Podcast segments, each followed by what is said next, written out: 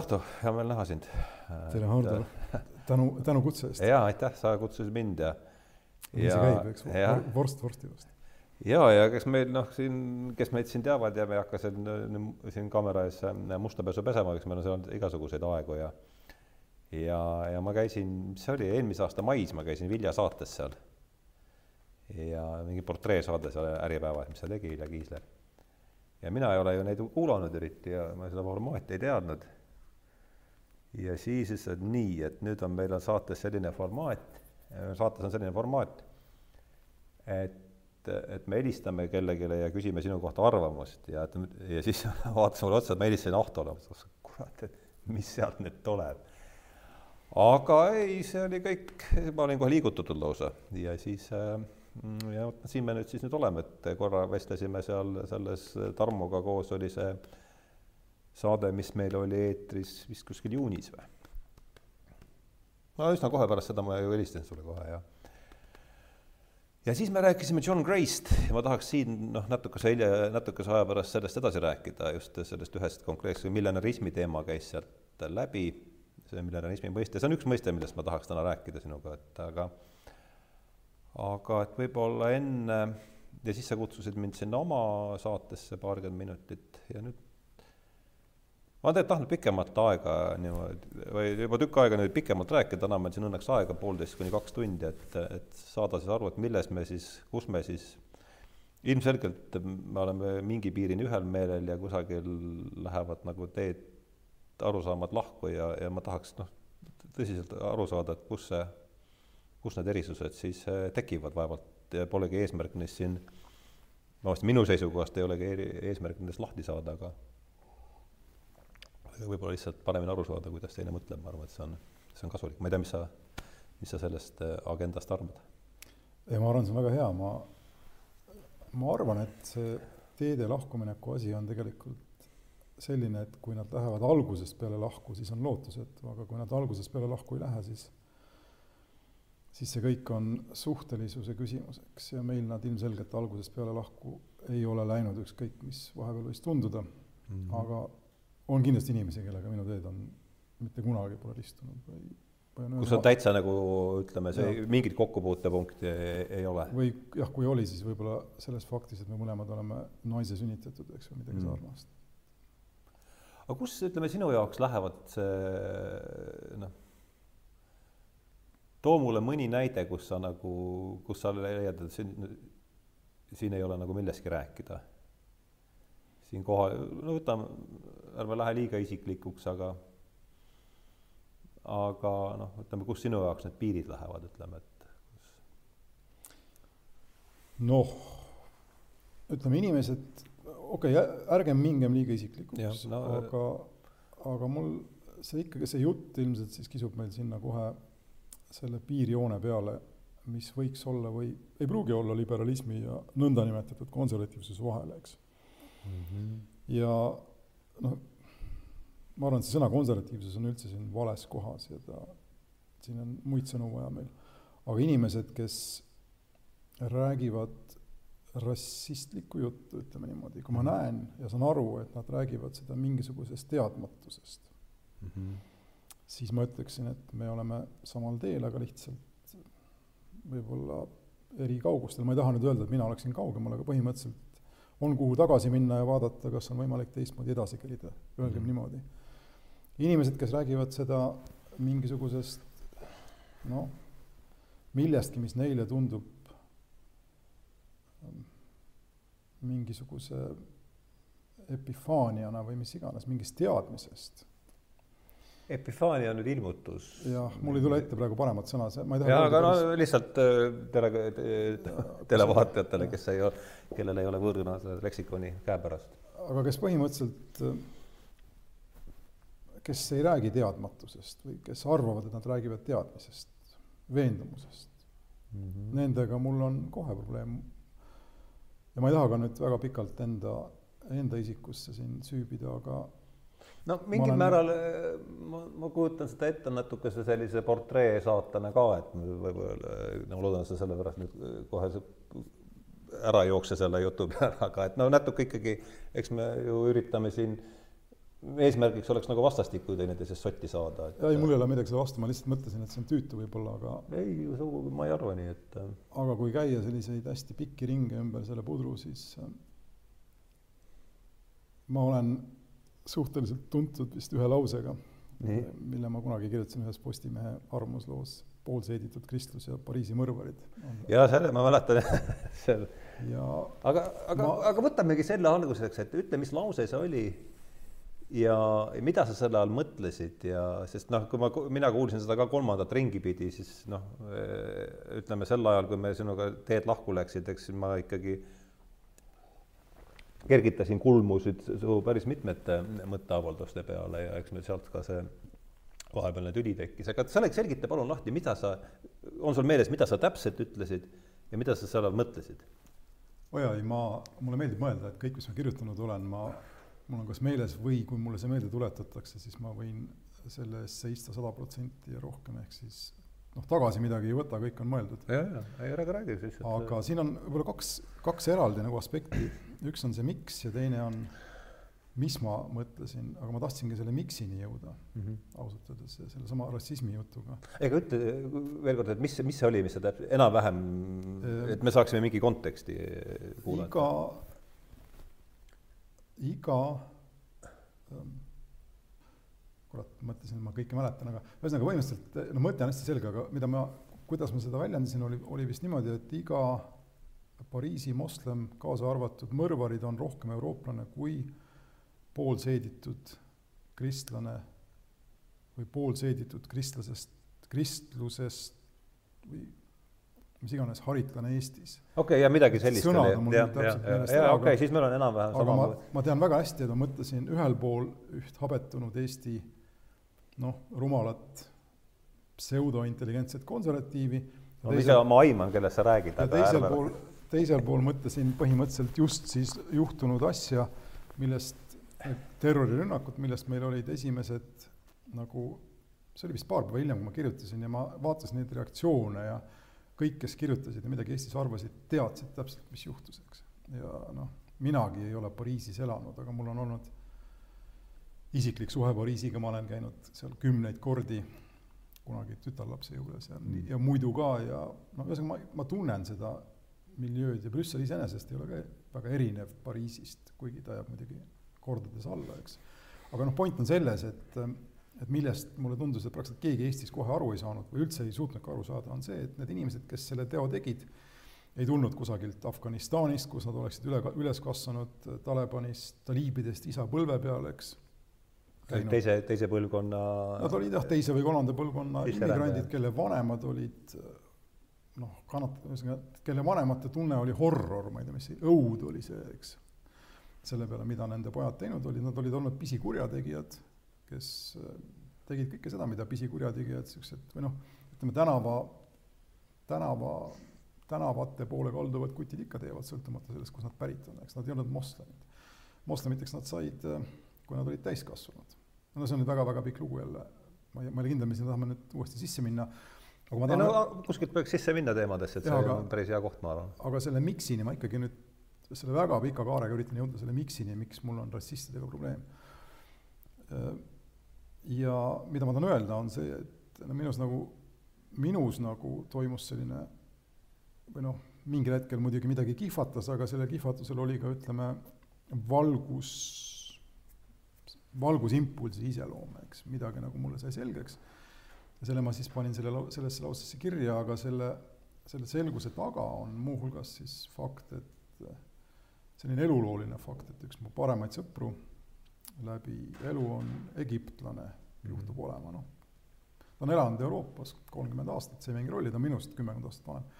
igal juhul äh, hängisin sellises kambas ajakirjanikud, eks, kus tema oli üks liige ja me, seal oli iirlasi, seal oli sakslasi, seal oli kõike, tema oli ta oli väga vinge sell, ta oli nagu midagi Agatha Christie'st. mis asi? Agatha Christie'st, selline ah, rafineeritud äh, idamaa džentelmen. sellise noh, kaasa arvatud kogu selle, kogu sellise,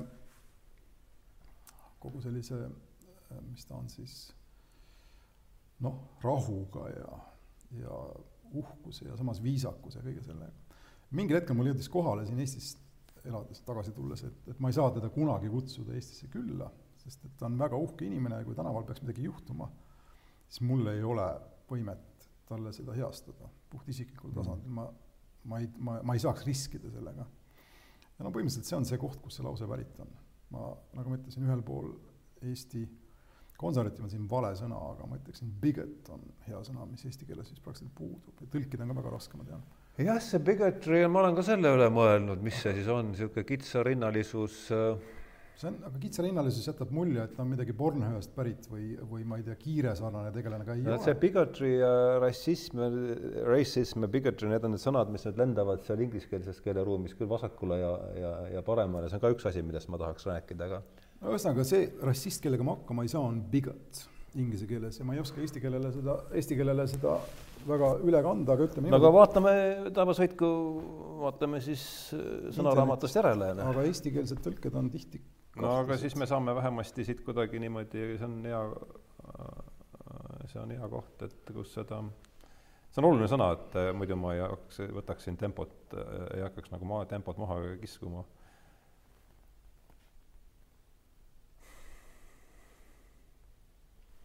nii, bigot see on inimene, kes teisele keelab mingist sisemisest vihast.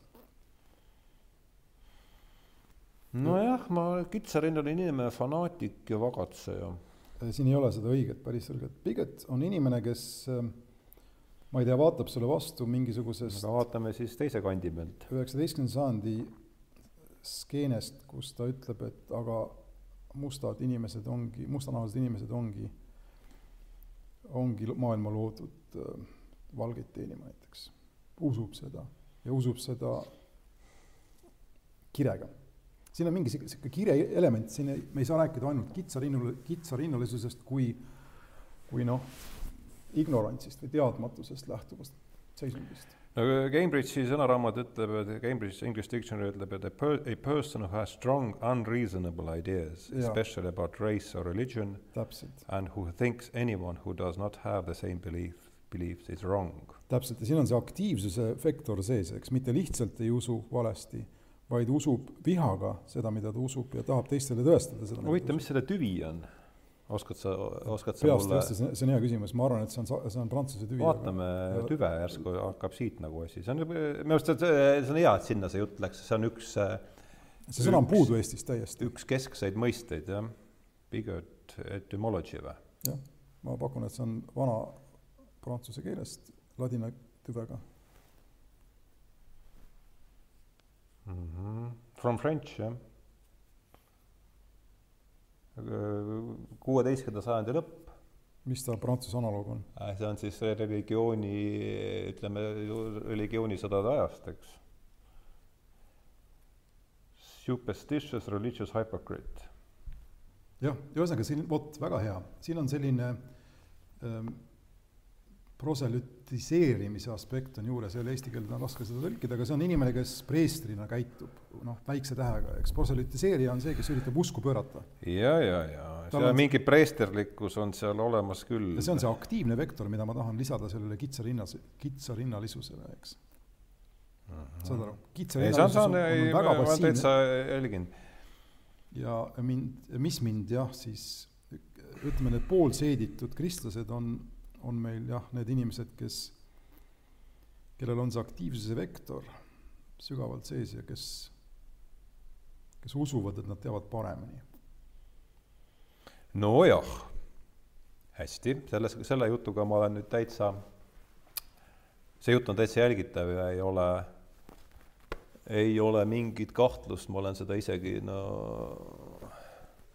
ülikooli linna peal Tartus jälgides on seal igasugused, et kui sa, sa oma Egiptusega sealt Annelinnast läbi jalutaksid, siis seal võiks noh, tulla kommentaare, et sa ei pea ka Annelinna minema, et sealt võib tulla.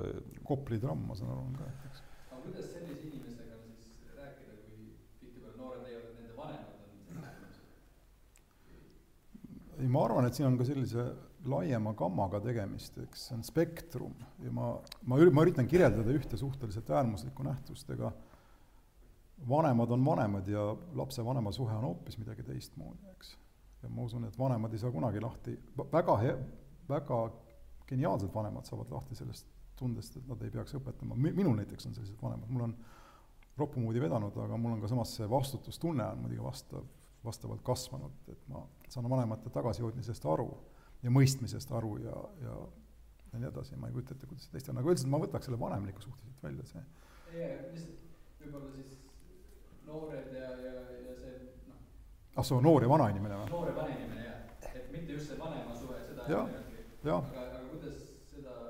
jaa, ikka see on väga hea, see on väga hea näide, ainult et äh, siin on noore ja vana inimese suhtes on see hästi mõtlemise aspekt juures, mida bigotry'l tegelikult ei ole, et see well-meaning, vabandust, ma lähen nüüd ingliskeelsetesse väljenditesse, eks, aga üldiselt vanem inimene arvab, et ta mõtleb head.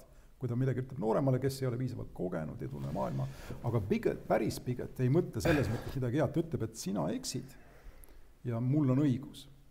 ja ma teen selle sulle selgeks hoiame võib-olla selle interaktiivse ola, osa lõpupoole, muidu sa mitte väga hea, et sa küsid, aga aga muidu noh, läheb, läheb liiga haki, hakib liiga ära selle asja järsku, et äh, aga see on hea, et sa selle vahele pistsid. et ähm, mul on lihtsam siis seda asja siin endal hoida nagu ühe joone peal. nii äh,, religioos, religioosne fanatism on seal sees. ja see on kahtlemata olemas. ja ei ole mingit kahtlust, et kui sa selle egiptlasega siin valesse kohta satud, siis väga suure, väga suure tõenäosusega mingid sellised noh, halvaks panevad märkused tulevad. aga kas sa arvad või ega, ütleks, küsiks niimoodi, ega sa ometi ei arva, et see, et seda, lepiks kokku siis, mis mis sõna me siin eesti keeles kasutame selle bigotry jaoks? see on väga suur, väga suur soov sul, väga suur plaan. Ma ei ole kindel, et me sellega toime tuleme. usu, usku, publik, publikule usku, sõna? ei, ta on uskupööraja, eks. mis on Eestis, mis on eesti keeles inimene, kes teeb värbamistööd mingile usulahule, noh. kuidas seda inimest aga see on jälle, see läheb liiga usku ära. ei, ma arvan, et see on tegelikult, tegelikult on see hea koht, kuhu see asi äh, ajada. Sellepärast minu ja, ja see on ka tegelikult teema, miks, põhjus, miks ma tahtsin rääkida sellest millenarismist. mul on selline tunne, et me oleme tagasi, et lähim, ma pakungi välja sellise hüpoteesi sulle ja see on huvitav, et see sõna bigot ju nagu me praegu vaatasime, tuleb kuueteistkümnenda sajandi lõpust, eks no tõenäoliselt veel varasemast. no nii see on seal kirjas, aga no paneme ta sinna kuueteistkümnendasse sajandisse, igal juhul me oleme reformatsiooni ja ususõjade, ususõjade ajajärgus ja mul on selline tunne, et me oleme, ma loodan, et ma eksin ja ju ma eksingi, nagu ma enamasti teen, aga mul on selline tunne, et ma, et me oleme, et lähim paralleel millega praegust olukorda võrrelda, on just nimelt äh, kuueteistkümnenda, kuueteistkümnes sajand. Äh, see ususõjade, suurte usukonfliktide ajajärk, mida siis nii ühelt kui teiselt poolt veavad ja vastandavad sellised kitsarinnalised usufanaatikud. sest see, mida sa näed seal antirassismi poolt, või tähendab rassi-, rassistlikust äh, sellest, äh, mis on noh, vaieldamatult olemas, eriti meil siin, osades, osades siis linnaosades. näen mina jällegi, ma ei eita seda, ma näen samasugust äh, kõrget kantslist maha hüüdvat näpuga näitamist sellest noh, rassismile vastanduvast laagrist ja, ja ja mis ma, mis siin salata, tihti olen ma, ma, ma sind ennast selles äh, süüdistanud, võimalik äh, täiesti, et, et äh, ebaõiglaselt. aga paljud noh, ma olen üsna kindel, et paljud kuulajad ja vaatajad äh, näevad sinus võib-olla äh, samasugust, samasugust psühholoog-, psühholoogiliselt natuke samasugust äh, tegelast, aga, aga vastas, vastasleerist. ma loodan, et kuidagi, see ei olnud kuidagi mõeldud. no kas nüüd, siin on nüüd rida küsimusi, eks, kas aga hakkame nüüd ükshaaval, meil on aegu õnneks, et me ja. saame neid siin ükshaaval arutada. me ei kaota järge, eks, aga ja, ja. kas, ütleme nüüd niimoodi, et kas veendumuse põlevus, see psühholoogiline faktor, ütleb meile midagi sisulist selle veendumuse kohta kõigepealt, et noh, kui jah, ma võin sulle meenutada mõnda rassisti oma antirassismis, siis kas me, kas see, kas, kas, kas selles meenutamises iseeneses on midagi, mis ütleb midagi olemuslikku selle kohta, mida mina ütlen, ja selle kohta, mida ütleb rassist, ma usun, et ei ole, minu nagu lühike vastus retoorilise küsimusele oleks, et ei ole. ja miks ei ole, ma püüan sulle nüüd võib-olla väga lühidalt edasi anda võib-olla väikese, ma saan aru, et sa tahad ka, eks, li-, lihtsamaid või lühemaid lauseid, mõistetavamaid lauseid ja lühemaid sõnu. ei pruugi, ütleme niimoodi, ma ütleks niimoodi, et segasus ei tohiks olla omaette eesmärk, aga ühesõnaga, obfuskatsioon ei tohiks ei tohiks olla aga obfukatsioon on midagi, jah, suhteliselt segast. teeme niimoodi, et ma, ma küsin sult ja mitte retooriliselt tingimata mm. -hmm. ja täpselt nii, et sa võid minult küsida ma küsin sult portreteerime siis teineteist vastastikku. sellise küsimuse, kas sa usud, ja ärge, ärge mingem siin nüüd väga detailidesse, aga kas sa usud põhiseaduslikesse väärtustesse Eestis? ja ma ei mõtle siin tead seda eestluse värki, ma mõtlen üldiselt seda, neid baasväärtusi, nagu nad on, et meil on siin indiviidile põhinev ühiskonnakord, eks indiviid on vaba ja kõik seda, kas, kas sa, kas sa oled nende väärtustega päri, pead neid olulisteks, loed neid väärtusteks, usud nendesse selles mõttes? No ma pean oma häbiks tunnistama, et ega ma ei ole seda põhiseadust niimoodi rida-realt läbi tulnud, läbi, läbi ei, lugenud ma..., aga kuivõrd ma võtan seda asja nagu niimoodi, et ega see Eesti põhiseadus on ju kasvanud välja Täpselt. euroopalikust eh, pinnasest, tuumväärtused. tulnud siia ja, ja jah, loomulikult ma kirjutan nendele alla. ja, ja minu mure ja see on mind pannud tihti sinuga vastandama, ongi see, et ma näen, ma näen eh, ohtu nendele väärtustele Nii, ja, ja tulemas teisest kohast, nüüd vastan võib-olla pikemalt, aga ma jään kohe vait et, et näen neid tulemas pigem sealt noh, sellest laagrist, millega sina tundud ennast äh, samastavat. me võime sellest rääkida, aga hetkel ma sinna minna ei taha, see ajab selle jutu laiaks. jutu samm-sammu haaval. aga mida mina tahan nii-öelda sulle kuidagi näitlikustada, on see, et noh, oletame, et me nüüd mõlemad usume ühtmoodi nendesse vaba, nendesse väärtustesse, eks me praegu ei, ei, ei, ei, ei aruta, kuidas me neid võiksime erinevalt tõlgendada, äh, aga see tee, mida me jagame, on see usk nendesse väärtustesse, eks, hetkel. nüüd, kas sa kujutad ette või oled nõus ütlema, et inimene, kes neid väärtusi ründab, on võrreldav või võrreldavalt aluselt lähtuv kui inimene, kes neid kaitseb?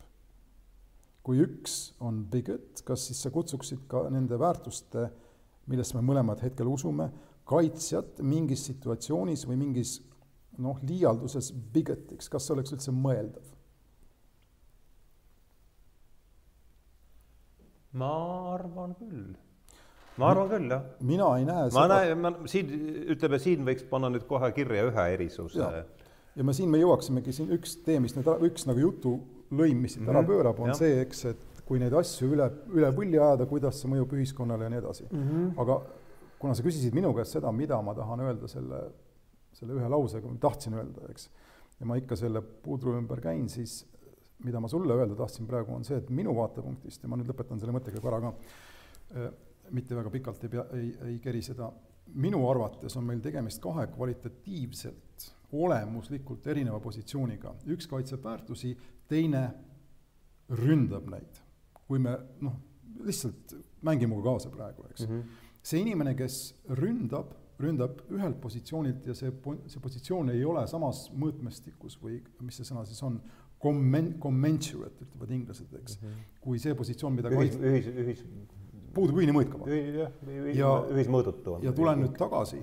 ühismõõtne on siis commensurate, eks ole. jah, see on ühismõõdutu on see siis. Incommensurate. Incommensurate, ei ole commensurate. just, just. A-ga sa ütlesid ei ole. täpselt, ja nüüd ma tulen tagasi, et sa ei arvaks, et ma olen kaotanud järje, eks, sellesama bigot'i definitsiooni järgi, kas sa mäletad, seal oli sõna unreasonable mm? -hmm.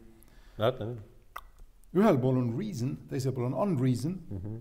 ja see määrab ära bigot'i, see, kes on unreasonable, on bigot, see, kes on mm -hmm. reasonable, ei ole bigot ja valgustuslikus terminoloogias mõistus kuulub või reason kuulub nendele väärtustele, eks. me võime hakata nüüd seda lahti raiuma, seda küsimust, kas tegelikult nad on mõistlikud, kas nende kaitset ei ole võimalik teha ebamõistlikult, aga saad sa mu põhimõttelisest jaa, ei ma usun, et ma jälgin probleemiasetusest aru. ja, ja, ja, ja mina... ma arvan, et siin on tegelikult üks, üks koht, kus me läheme sinuga lahku. jaa, kindlasti.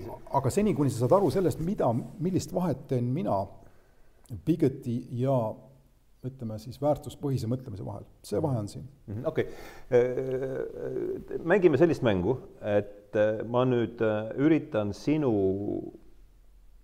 see, seda, mida sina rääkisid mulle praegu, oma sõnadega sulle tagasi öelda ja siis sa äh,, siis sa äh, siis sa ütled mulle, kas sa oled minuga, kas, kas ma tegin seda õiglaselt või, või mitte, oled sa nõus sellega? nii et ütleme, et siin on antirassi-, siin on rassism ja siin on antirassism. Äh, selline poolus. ja me oleme mõlemad sinuga nõus, et see, kes on selles rassismi äh,, rassismi äh, no võtame sellise lihtsa näite niimoodi, et äh, et Viru ring siin on siis niisugune täielik antirassism ma ei kujuta, kuidas sa kujutaksid, eh, kuidas sa kujutad, mis asja?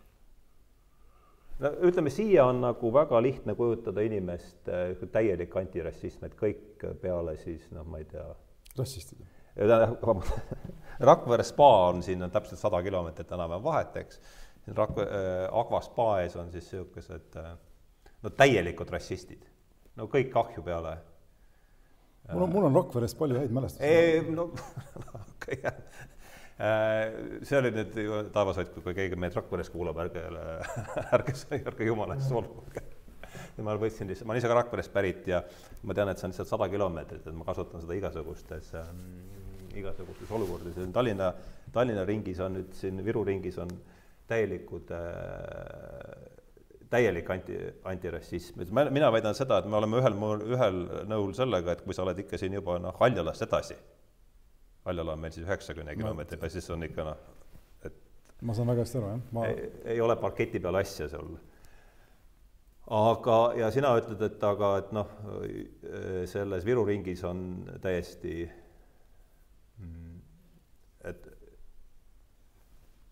et Viru ring on see õige koht, kus olla, mina hakkaks ja, ja, ja mina ütlen sulle, okei okay,, nüüd ma hakkasin seletama, mis mina räägin, ma lubasin, lubasin sinu väite, väited tegelikult ähm, äh, sõnastada hoopis, nii et sa ütled seda, et me ei saa, et selgelt rassismiga on võrm-, rassismiga on võimalik minna üle ääre ja noh, kahekümnes sajand, meil ei ole vaja siit väga kaugele vaadata, kahekümnes sajand. ei, ma lihtsalt, ma, rassism on vale. ja ma küsin ja, ja, ja, ja, aga sa ütled, et antirassismiga ei ole võimalik minna. ja mitte samamoodi, jah, täpselt.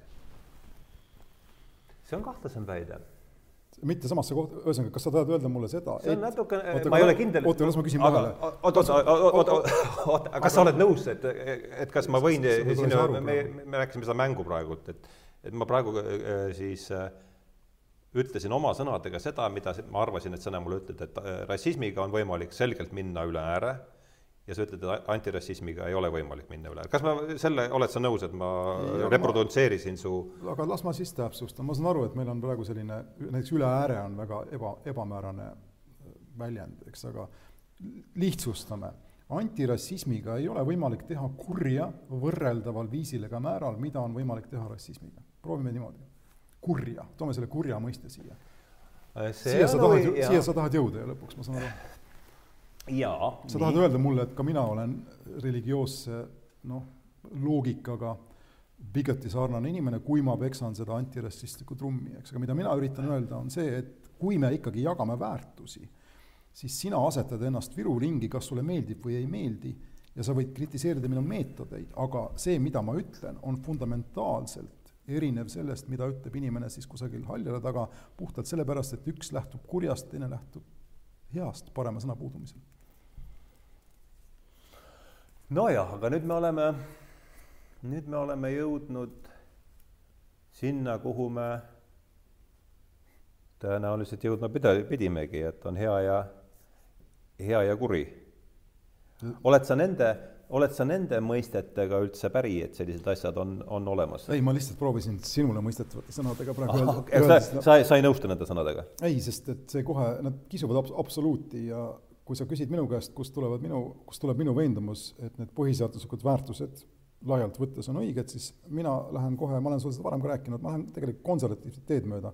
ma ütlen, nad on destilleeritud välja ühiskondadest, kes on olnud meist paremad, targemad, peamiselt Suurbritannia, Põhjamaad, osaliselt ka Prantsusmaa, USA, need liberaalsed väärtused ei ole absoluutsed väärtused mm. -hmm. Nad on noh, nii-öelda universaali moodi asjad, mis tegelikult on selgelt päris, pärit teatud ühiskondlikest praktikatest, mis on tuhande aasta jooksul destilleerinud selle välja mm. -hmm. minu arvates väga konservatiivne vaatepunkt. ma ei taha öelda ühesõnaga, et kuri on absoluutne ja kuri pigem kip-, kipub sinnapoole, aga headus ei ole, või see hää siin ei ole absoluutne kindlasti. Mhm. jah, selles suhtes ma olen sinuga jälle nagu nõus, et, et mulle meeldib see, see Kolakovski mõte naeruvääristatud Jeesusest, et ma parafraseerin natuke seda sinu mõtet ja, ja, ja reageeri kohe, kui mul, kui sulle tundub, et ma sulle liiga tegin, et Kolakowski kirjutab seal, et on võimalik, ta, ta, et on täiesti võimalik saada ini, aru inimesest, kes ei usu Jumalasse, aga et kes ei usu saatanasse, et sellest on tal peaaegu võimatu aru saada, mis noh, teiste sõnadega öeldes, et et hea on palju raskemini defineeritud äh,, raskemini defineeritav kui kuri, sellega sa tundud olevat nõus või mitte? ma olen nõus, kui ma nüüd tohin, ma ei ole päris, ma ei ole Kolakovskit lugenud ausalt. jaa, ei, aga noh, praegu sul rohkem polegi vaja, kui ma ütleksin, kuidas sa sellesse lausesse suhtud? ma ei ole päris kindel, kui see, kui see, ütleme, kui ma võin seda ümber öelda, ütleme niimoodi, et, et ma usun seda või ma arvan seda, et keegi meist ei sünni tühja koha peale, eks, ja see, kuhu sa sünnid ja kasvad, äh, annab sulle noh, mingid orientiirid ja võime, meie, meie ajast on andnud võime meil ka kriitiliselt seda analüüsida, eks, et siin on mingi suund sees. ehk siis väga üldisel, väga üldisel pinnal õige ja vale on ikkagi meile teada, mitte absoluutidena, aga, aga midagi meis ütleb, kui me liigume vales suunas südametunnistuseks. ja midagi ütleb, kui me ei liigu vales suunas, et selles mõttes jah, see ütleme, see magnetiseeritus on olemas igas inimeses ja see on hea, mulle meeldis see. ja, ja sellel on õige ja vale suund, jah. ja see ei tule, see, see ei haaku otseselt vähemasti põhiseaduse ei, see, see haakub nagu sellega, et mida on sinu noh, vanemad ja vanavanemad ja nii edasi, eks, eeldades ühiskondlikku sellist, ühiskondlikku kontinuiteeti ja rahu ja nii edasi, mida nad on jätnud kui nii-öelda hea praktika mm -hmm. sinu sündimise hetkeks, eks. just. ja sellega kaasaminek kriit-, noh, piisava kriitilisusega, eks, on see, mis on tegelikult, peaks olema õige. vähemalt seda õpetab meile tagasikeritav ajalugu, eks. me võime muidugi kohe algusest peale, iga, iga põlvkond võib teha revolutsiooni ja kõik maha lõhkuda, eks, aga millegipärast me arvame, et see ei oleks kõige targem tegu, mõlemad. sellega oled nõus? jah, si-, sina ka, ma arvan. ma olen sellega väga nõus. ma olen, ma, viimane asi, mida ma usun näiteks, on, tuues tänapäevase näite, on see, et, et Afganistani, mida ma tunnen üsna hästi, käinud no, sa oled käinud seal, eks? korduvalt ja palju et Afganistani oleks võimalik üles ehitada liberaalne ühiskond. ühesõnaga, mida, see on see, mida ma mõtlen sellega, et see asi ei ole un-, absoluutides kinni, eks. lihtsalt seal ei ole seda, seda magnetiseeritust või polariseeritust, mis vastaks meie omale, eks. aga meil ta on olemas ja meil muud ei ole mm. -hmm. ja see meie, see omasus tuleb võtta siis nagu sisse endale ja see on teatud mõttes kohustus ja siin on religioosi, religiooniga nagu sarnaseid motiive, eks no või veel. aga headus on seespool ja kurjus on väljaspool kuidagi. headus on seespool ja kurjus on väljaspool. no see on laest võetud dimensioon või. aga pane siia natukene värvi juurde, et äh, oleks väga tänulik, kui sa natuke siin. kurjus on, tuleb asjadest nagu hirm, mõistmatus, tahtmine mitte mõista. Äh, need tulevad väljast, need, need on, need on noh, kui ma nüüd. sa ütled veel kord headus tuleb seest, kurjus tuleb väljast, sedapidi ütlesid? ta, ma mõtlen selles kontekstis, mida ma räägin ühiskonnast, traditsioonist niivõrd, kui see on noh. aga anna, anna siin, see on, ma arvan, et see on oluline koht, ma ei, ja ma ei saa praegu aru, et ma teen oma parima, aga selgita mulle seda palun. no ma ei tea, ajalooliste näidetega või mm, -hmm. või abstraktselt või? no parimal mõeldaval viisil ma tõesti lihtsalt, ma tun-, mulle tundub, et see on oluline koht ja ma tahaks vaata, see, mida ma üritan sulle rääkida ajaloo, ütleme, ühiskondlikust traditsioonist ajaloost ja mille peale sa oled nagu noogutanud, nagu sa oleksid nõus minuga, see ütleb seda, eks, et mitte midagi head, ütleme, edasiminekut, väldime sõna progress, ühiskondlikes asjades ei juhtu üleöö. ja siin me oleme Täiesti nõus, eks. et siin ei, ei ole võimalik lihtsalt panna ruudulist paberit. see kõik on väga sattumuslik, nagu Gray rõhutab. mulle meeldib sõna sõltumuslik rohkem, sattumuslik on niisugune nagu Contingent juhu... on see, millest me räägime või? selle on tõlkinud Märt Välja taga valesti, sattumuslikuks. Contingent, kõrvaltähendus. ta on aga me räägime sellest sõnast contingent praegu? Contingent on see, mis ei ole jumalast. aga sa räägid sellest, sa räägid sellest sõnast praegu? aga see contingent'i vastas on see, mis on, mis, mis, mis, mis, mis on määratud. Contingent on see, mis ei ole määratud, eks mm. -hmm kontingentne, aga sattumuslik on selles mõttes vale, et see, mis ei ole määratud, ei ole juhuslik, vaid kuidas kasutatakse, kasutatakse teda noh, ütleme filosoofias, poliitilises ja uuemas filosoofias, on, on rohkem öö, osutada sellele sõltuvusele, ehk siis midagi areneb mingisuguses mm -hmm. piiratud kontekstis, eks. see ei ole juhuslik, selles kontekstis mingisugused praktikad, ütleme, võtame näiteks inglis-. Economicsis nimetatakse seda path dependency oli vist. seda ma ei tea, aga võtame. aga see annab nagu edasi vist selle mõtte natuke no,, kui sa path, path dependency, sa saad aru, eks jah, ole. ütleme niimoodi, et kui sa oled mingisugusel mhm. teel siis on sul mingid valikud, mis juba sõltuvad sellest, et sa oled sellel teel, eks mm. -hmm. ja nii edasi ja nii edasi, midagi, ja, midagi ei ole päriselt juhuslik, et lihtsalt taevast kukub midagi tükk alla jälle ja sul kõik muutub, eks. No. see mittejuhuslikkus siis, ehk see sõltuvuslikkus on see, mida ma üritan kirjeldada heana. Ja kuidas ta sees tuleb, on, võtame sellesama Inglismaa näite, väga karikeeritult, tuhat aastat ajalugu, alustasime Normanite, isegi enne, lähme tagasi Normanite eelsesse aega, eks mingisugused praktikad, mingisugused noh, ühiskondlikud harjumused, struktuurid, institutsioonid, nii edasi, millest siis tuli välja struktuur, mida juhtis äh, Winston Churchill aastal tuhat üheksasada nelikümmend, pidi langetama otsuseid, noh, mis vähemalt väljaspoolt tagasi vaadates, ilustades, on moraalsed, eks. ma üritan sulle öelda, et see kõik, mis on moraalne, aus ja hea nii et kui sa ütlesid, et ma lihtsalt, ma lihtsalt täpsustan, et kui sa ütlesid, et hea tuleb seest, siis sa ei pidanud mitte silmas nagu üksikindiviidi, vaid ühiskonda. okei okay,, see nüüd aitas edasi, jah. täpselt, ja nii. ajalugu, aja mõõtmega, aja mõõtmega ühiskonda mm. -hmm. aga nüüd see kurjuse välisene aspekt?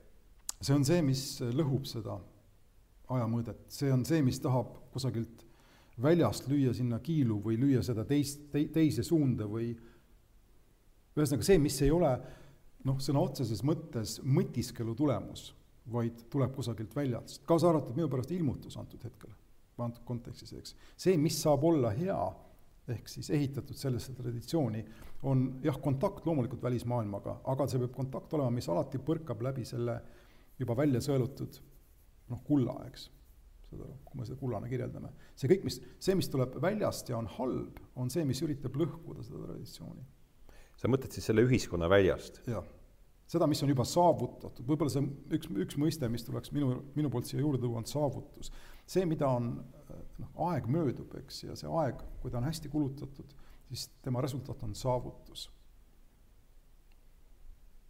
on midagi väärt. no nüüd sa kaotasid mu ära selle, siiani ma sa, nüüd ma sain sellest loogikast ütelda, et hea tuleb seest. ühiskondlikult. ja ühiskondlikus plaanis jah, et okei okay,, et meil on siin mingi selline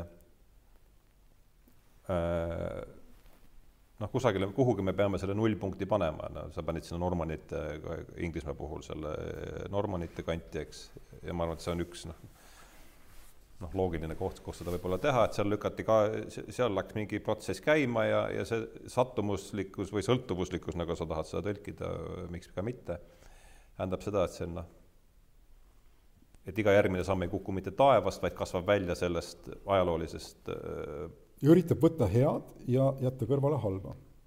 hästi aga nüüd ikka, ja sellega, selle siiani ma olen, ma olen täiesti nõus sinuga, aga ikkagi nüüd see korjuse väline aspekt, siin sa pead mind küll natukene no, kõigepealt punkt selgitama, ma ei saa isegi öelda, et ära veena okay. mind, sest ma ei saa aru lihtsalt. jah, aga me oleme selle ühe näitega kusagile jõudnud, ma lihtsalt nüüd panen sulle kõrvale teise näite, millest ma arvan, et ütleme niimoodi, et andke mulle andeks selle karikeeritus, aga võtame indiaanlased, nagu mm -hmm. kohtusid nemad Euroopaga mm. -hmm. meil on, noh, nii palju, kui me oleme lugenud kõiki neid romantilisi lugusid Vinnetust ja mis iganes, eks meil on mingi arusaam, ma arvan, jagatud arusaam enam-vähem indiaanlastest sellel tasandil, eks, kes elasid oma elu mm, -hmm. kellel olid oma sõltumuslikud, ühiskondlikud, mis iganes korraldused, eks. no üritasid ka jääda oma, oma, oma Täpselt. parimate arusaamade ja, järgi. ja ütle mulle nüüd, et see, mis tuli ja selle kõik ära lõhkus, oli ka hea. sellest vaatepunktist see, mis väljast tuli, oli ainult halb. Sellega ma olen jah. see on see mõte, mida ma üritan sulle väljendada selle lausega, et hea mingis mõttes tuleb seest ja kuri väljast. okei okay,, see nüüd ma saan, ma saan aru jah, sellest sinu, nüüd ma saan vähemasti aru sellest, mis sa mulle räägid, iseasi, kas ma sellega ja ma mingi piirini ka nõustun sellega. mina nagu... räägin, ma tahan ainult rääkida lääne traditsioonist tegelikult, ma ei taha öelda, et Hiina on hea, aga sa saad aru, mis ma mõtlen. ei, ma saan aru nüüd, jah. iga traditsioon mingis mõttes on herdelikult midagi väärt, me oleme harjunud sellega. Ja iga, iga tsivilisatsioon ja iga asjakorraldus kasvab oma, oma enese loogika järgi nõus. ta saavutab midagi ikkagi ju. kas või sellel tasandil on ta hea, eks. aga ma tuleksin nüüd ikkagi tagasi selle mm, hea ja kurja juurde ja panen natukese teised rööpad maha, vaata, kas palju sa seal edasi tahad sõita, et mis mulle väga meeldib ja, ja see lause, mida siin viimasel ajal on palju tsiteeritud, et äh, sellest Gulagi arhipelaagist, et, et noh, peast siin tsiteerides, et et paljud lugejad võivad arvata, et kui meil kusagil on kurjad inimesed seal haljala taga ja kui me need nüüd kõik ära Äh, saadame, mis kohad seal Rakverest veel, ühesõnaga, kui me neist nüüd lahti saame, siis on kõik korras. aga et äh, ei, miks? ei, ma mina, lihtsalt tsiteerin Solženitsõnit praegu. mina nii ei arva. jah, aga lase mul teda lõpuni, lase mul teda lõpuni tsiteerida, aga et see et see ei ole nii, et see oleks väga lihtne, kui see nii oleks, et kui me, kui me leiame üles kurjad inimesed ja nad kõrvale paneme nad, paneme nad traadi taha või saame neist mingil teisel meetodil lahti, siis on kõik korras, aga et ei, et see piir, mis lahutab eh, head kurjast, läheb iga, läheb läbi iga inimese südame ja, ja kes tahaks, kes tahaks siis eh, ühte osa oma südamest eh, ära visata, et mis sa sellest mõttest arvad, see paneb, vaatab asjale nagu teise nurga alt? ei, ma olen täiesti nõus sellega, mul, ma ei näe üldse sellega oled nõus? ma ei näe siin mingisugust isegi ma ei, ma ei pea rääkima siin isegi kattuvusest, ta lähtub tegelikult samast impulsist, ükskõik, kui me selle impulsi nüüd juured viiksime, aga see tähendab ju seda, eks, me kõik tunnistame seda, et et, et, jällegi rääkides ühiskondlikus kontekstis, mis on meie noh, poolt jagatud läänemaailma viimased tuhat aastat, eks, ei ole ühtegi pühakut meie seas, see on ilmselge, meil kõigil on olemas see tume pool, eks me teeme asju, mida, mida me kahetseme, selleks ongi südametunnistuse sõna välja mõelda. no siin me oleme väga, väga olulises osas oleme sinuga ikka ühel meelel. jaa, põhimõtteliselt ega keegi ei eita ju, et isegi see liberalism, mida ma siin eriti ei ole maininud, aga mida ma kaitsen, on, on arendus, mis ei oleks võima-, võimalik olnud ilma kristliku taustata, eks noh, kristlusel omakorda on veel siin äh, sõltumuslikud äh, ütleme, tingimuslikkus taga, eks, aga see selleks, aga minu mõte on selles, et jah, võib-olla tingimuslikkus on siin isegi aga ei, see on teises, mina mõtlesin praegu teises mõttes, aga ma tulen tagasi selle juurde, mis ütlesid, see tsitaat Solženitsõnilt, see, et me oleme indiviidid ja see, et me ei ole noh, et meil, et, et, et see, et see, et meil oleks sees ainult üks, üks nagu ma ei tea, säsi või mis iganes, et me ei oleks nagu noh, kiududest koosnevad, eks see on loomulikult absurdne. loomulikult meil on palju impulsse ja ja meil ei olekski mõtet rääkida heast ja kurjast, kui meil ei tuleks ennast ületada näiteks. näidata, et me tunneme head ja kurja ja nii edasi ja see sõlt-, see on juba noh, meie kultuuri taust viib selle tagasi indiviidile ja kui me räägime indiviidipõhisest vastutusest, siis me oleme täiesti ühe lehe peal, ma kujutan ette mm.. mul ei ole mingit probleemi sellega. Jah, aga see nüüd tuleme nüüd tagasi jälle sellesama Viru ringi ja, ja, ja Rakvere spa juurde, veel kord Rakvere rahvas, vabandage, ma ise ka Rakverest, kui, kui see, kui see nüüd mind natukene see on, hakkab see muutuma nagu selleks see on lihtsalt mantraks, see on lihtsalt see skaala, millel ma olen juba pikemat aega mm, opereerinud ja mulle see endale see on ka nüüd see raja, rajasõltuvus siin. et see, mida mina näen selle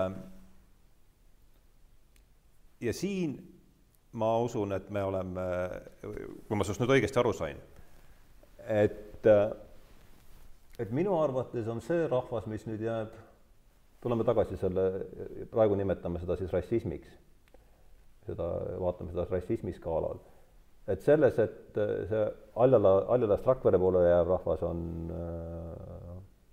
ohtlik. ma loodan, et seda nüüd ei ole kontekstist välja rebitud see, selles me tundume olevat, olevat nagu ühe, ühel meelel. ja minule, sa ei ole nõus sellega no,? hetkel sõltub ase, asete konteksti, tänases Eestis no, nad, nad ei ole tingimata ohtlikud, nad on taunitavad ja neid tuleb taunida. minu soov no okei okay,, nimetame taunitavaks nii hästi, jääme selle, et see on ta-, jah, see taunitav on, on, on parem sõna, aga noh, jah, okei okay.. ma ei taha neid. see on, see on parem sõna, see on parem sõna. ütleme, et all-, me räägime rassismi skaalast Valjudest Rakvere poole seltskond äh, on taunitav. minu meelest on samavõrra taunitav uh, ma ei ole nüüd kindel, kas ma, kas, kas ma tahan, kas ma olen valmis seda ütlema. aga ma ütleksin seda niimoodi, et minus tekitab see Pirita jõest äh, Viru ringi poole jääv seltskond samasugust, äh, samasugust äh, ebalust. oota, aga kus sa ise sest oled? kui see, mida? kus sa ise oled? mina olen Viru ringil, okei okay,, aga kus sina oled? sa paned ennast Viru ringile, jah? oo oh, jah, aga kus sina oled? no ma, kui ma peaksin ausalt vastama küsimusele, et kas ma tahan ma olen täitsa aus praegu sinuga. kui ma saan nüüd küsida, et kas ma tahan, et minu kõrvalkorterisse kori-, koli, koliks äh,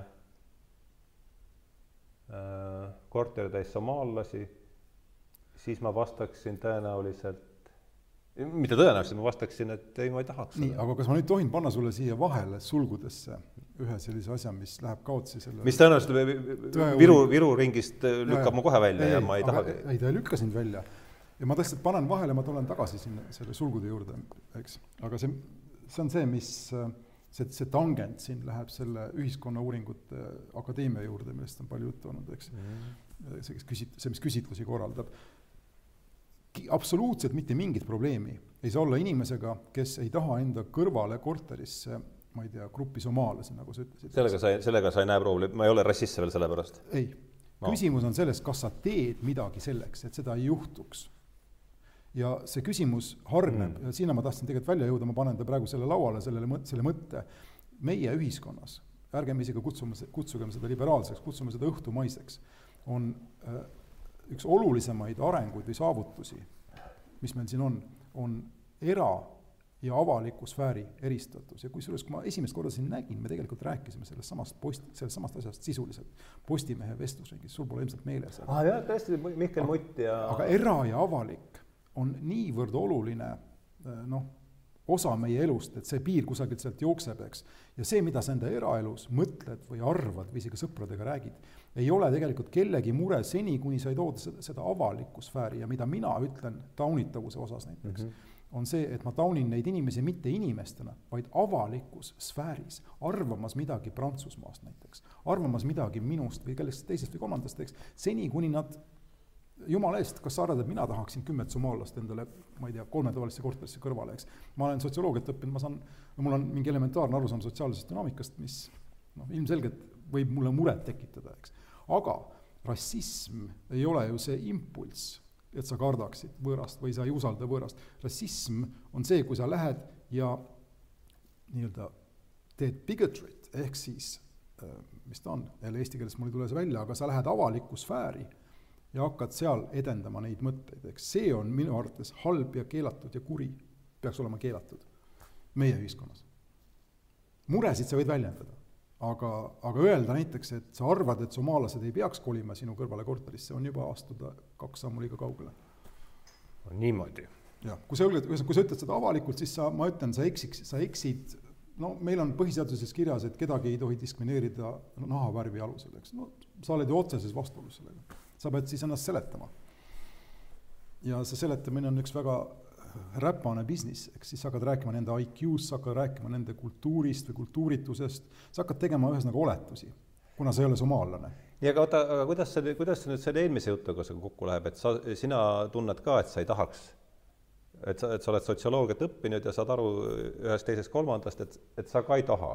ma saan aru, et õige tegu ütleme, räägime nagu südametunnistusega paralleelsest mm -hmm. mingisugusest nähtusest, õige tegu on see hirm maha suruda kui irratsionaalne. ma kardan pimedust, aga ometi ma julgen minna keldrisse puude järele, eks. ma ei karda tegelikult väga pimedust, aga üldiselt ebamugav mm, on mm,. ma saan aru, mis sa mõtled. ma surun selle endas alla ja see on täpselt, see on paralleel. ühesõnaga, see on üks paralleel nendest asjadest loomulikult me mõtleme halbu asju, ma ei tea, me võib-olla igatseme naabrimehe naist näiteks, eks, ega see ei tee meist ju abielurikkujat, vaid abielu rikkumine teeb meist abielurikkuja mm. -hmm. okei okay,, ma saan aru, mis sa mõtled nüüd, jah.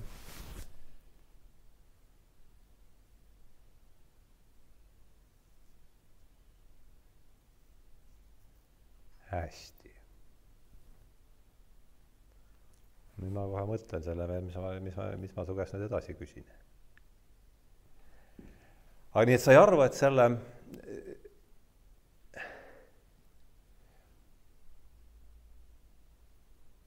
okei okay,, võtame seda asja siis nüüd niimoodi, et ma tahan ikkagi, ma tahan ikkagi jõuda selleni, et, et, et siin ei ole enam asi ammu selle, meile on see asi ja, ja ma ei tea, kuidas sin-, kuidas see sinu, mis prillidega sina maailma vaatad või mis nurgas sa seda vaatad, aga aga no minu tunne on ammu, on olnud no, ammu see, et sa kirjutad muidugi rohkem Eesti sisepoliitikast ja, ja, ja mida siin Kristiina Kallas ütleb Jürgen Ligile või, või, või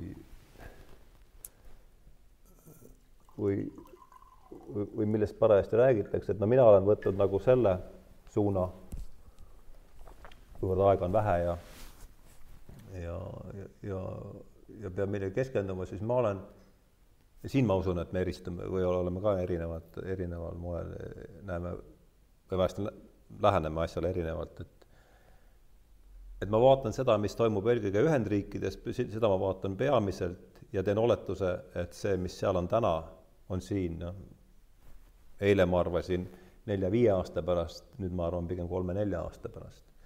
ja mulle tundub, et kui sa seda asja seal vaatad, et siis on see, sellest antirassismist on saanud, on saamas just nimelt see niisugune fanaatiline usulahk, mis üritab oma dogmat järjest jõulisemalt peale suruda ja eelkõige just äh, siis äh, USA ülikoolides. ma olen sellega nõus, mis sa siiani äh, laias laastus meie kohalikus kontekstis räägid. ja ma arvan, et noh, meie probleem tõesti ei ole see, et et meil hetkel siin noh, et me peaksime nüüd ülemäära muretsema selle üle, et siin äh, somaallased meie tänavad üle võtavad. Kuigi noh, öeldud, et et see ei ole, see ei ole, see ei ole hetkel suur probleem, aga kuigi ma näen seda, aga kui ma seda ette vaatan niimoodi kolm-neli sammu või kolm-neli aastat, mida ma sealt tulemas näen, siis ma äh, ma näen seal ikkagi sellesama antirass-, antirassismi, feminismi ja kõiki nende teiste ismide all nä-, äh, formeerumas sellist sisuliselt miljonaristlikku usulahku, mis on samavõrra äh, fanaatiline äh, kui mida nad sinuga teeksid, kui nad su kätte saaksid? alustame sellest mida sa kardad nendest? no vaatame kõigepealt seda, mis nad, mis nad praegu juba teevad. Äh, mina, mina ei ole, mina ei ole nendega kokku puutunud, siin on praegu on ikkagi veel see ookean vahet, aga sa, sa saad vähemasti aru, mida ma räägin, et see, mis juht-, see, mis, see, mis toimub pealinnas, mis on meil praegu Ühendriigid, täna see juhtub kolme-nelja aasta pärast siin, sa saad vahest aru, et niimoodi võib mõelda, kas sa niimoodi, kas sa minuga nõustud või mitte, sellest seda mina, kui päris aus olla, kui ma tohin öelda, jällegi kasutada võib-olla lihtsamaid selliseid veidi karikeerivaid paralleele, kui ma tohin, siis äh, ma, mulle tundub, et tegelikult sina ja paljud teised, kes kardavad neid isme, näevad Ameerika Ühendriikides toimuvat midagi spordivõistluse sarnast, kus te olete valinud poole, värvid ja noh, see see commit ib või see sunnib teid siis kõigeks ülejäänuks, eks, kui sul on ikkagi meeskond olemas, siis sa oled sada protsenti selle meeskonna poolt koos kõigi värvide ja tätoveeringutega, eks. Aga, aga sa ei, sa ennast ei näe nagu selles äh... mina ei võta Ameerika Ühendriikide suhtes pooli puhtalt sellepärast, et ma ei tea seda ühiskonda praktiliselt, noh, ma olen seal käinud paar korda, eks, aga kes olen mina, et hakata äh, sügavuti põhimõtteliselt hindama noh, seda, mis sa mulle praegu kirjeldad, eks. Loomulikult seal on, kui sa võtad nagu kaasus kaasuse põhjal lahti, võib-olla seda me peaksime tegema. Mm., võtad näiteks, ma ei tea, mis sul on silma jäänud, ma siin seda Raadio kahe saadet tehes siin paar kuud tagasi lahkasin ühe daami lahtilaskmist ühest suurest televõrgust, kuna ta ütles, et blackface ei pruugi olla üldse halb asi, seda võidakse mõelda hästi ja siis arenes debatt, eks, et kas see oli see Yale'ist lasti lahti, see mitte Yale'ist, vaid televõrgust. Ah, televõrgu, jaa, siis on mingi, mul ei tule ta nimi meelde. siis meil arenes Yale'is oli sama, see, see on see cultural appropriation või mis see et noh, me võime siin ju vaielda, kas ja kuidas ta eksis mingis asja vastu, aga see on veidikene nagu, no see on täpselt samamoodi nagu, nagu kuulata ameeriklasi vaidlemas mõne meie, ma ei tea, kombe üle ja siis vaadata seda pealt ja mõelda, et neil on õigus, eks me no,, me, me vist niimoodi väide, ei see on küll see nüüd, et meie ei ole jah, sa võid seda niimoodi öelda, aga no keegi ei, ilmselt ei äh, täi-, ükski täiemõistuslik inimene arvab seda, et, et ameeriklased lasevad ennast meie kommetest väga segada. no täpselt. miks peaksime meie nende kommetest aga seda me, aga seda me teeme, me oleme kogu selle, me oleme kogu selle fraseoloogia ju sealt äh, ja kogu selle asja, asja üle võtnud aga kas, kas sellega sa ei nõustu või? ei, aga ma ei näe see kogu seda, see, meie, meie, meie laululehed tulevad ju kõik, tulevad ju kõik väljast. aga täida see, täida see nüüd konkreetse sisuga, tähendab, sind kuulates ma eeldan või nagu arvan, et sa ootad seda hetke või näed seda hetke paari aasta pärast, kus feminism verise mõõgaga on su ukse taga ja tal on käes minu pea näiteks, eks no okei okay,, seda on raske hoida, aga aga sa, et sa nagu, ma ei saa aru, mida sa täpselt kardad. meil pole isegi inglise keelt, kus on võimalik näiteks ümber teha neid eh, pro-, pronoome, neid mis on mm. üks kuri näide, eks, et he ja she ja mis iganes. meil pole isegi seda nalja võimalik teha. mida sa arvad, tulevad siin sealt siia? no aga tuleme nüüd, tuleme nüüd selle juurde, tuleme nüüd siis selle juurde tagasi, mis me siin äh, vestluse alguses äh, rääkisime, et no me, me ju ei tea keegi, mis, äh, mis tulevik, mis tulevik toob, eks. sellega oleme nõus, ma kujutan ette.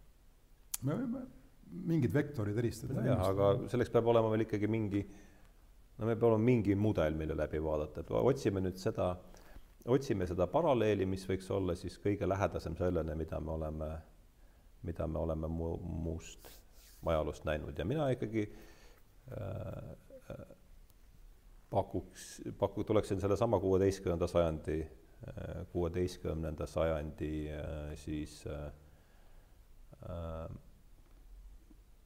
paralleeli juurde tagasi. reformatsioon ja selle siis äh, valgumine keskus, hakkab, hakkab pihta keskuseks Saksamaal ja valgub laiali üle kogu maailma ja jõuab, jõuab ta siis, jõuab ta siia lõpuks ka. sellega oled sa ometi nõus? et me võime tõmmata paralleeli äh, reformatsiooni ja tänase situatsiooni vahel, ei ole nõus, kus sa seda äh, ma, ma võin sulle, ma võin sulle seda selgitada ja siis Olun. räägi mulle seda, kus kus sa nõus ei ole, ma arvan, et see see kõige olulisem äh, paralleel on just nimelt avaliku ruumi muutuses. sest tollal muutis trükipress seda asja kõige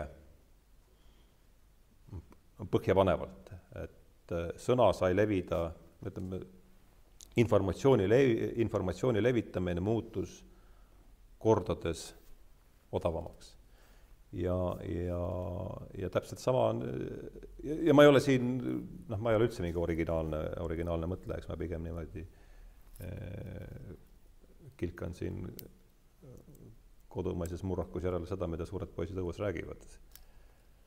aga Niall Ferguson on seda, selle, seda rõhutanud, et ja, ja see tundub mulle, tundub, noh, kõlab minus kaasa, et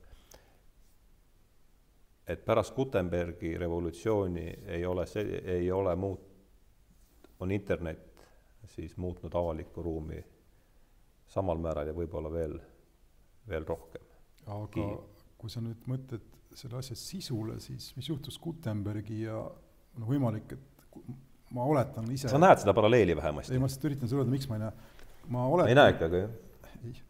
ei miks on Gutenbergi reformatsioon seotud ja ma oletan, et siin on olemas selline poolkausaalne, üks poleks olnud võimalik, ütleme niimoodi, et ilma Gutenbergita poleks olnud reformatsiooni.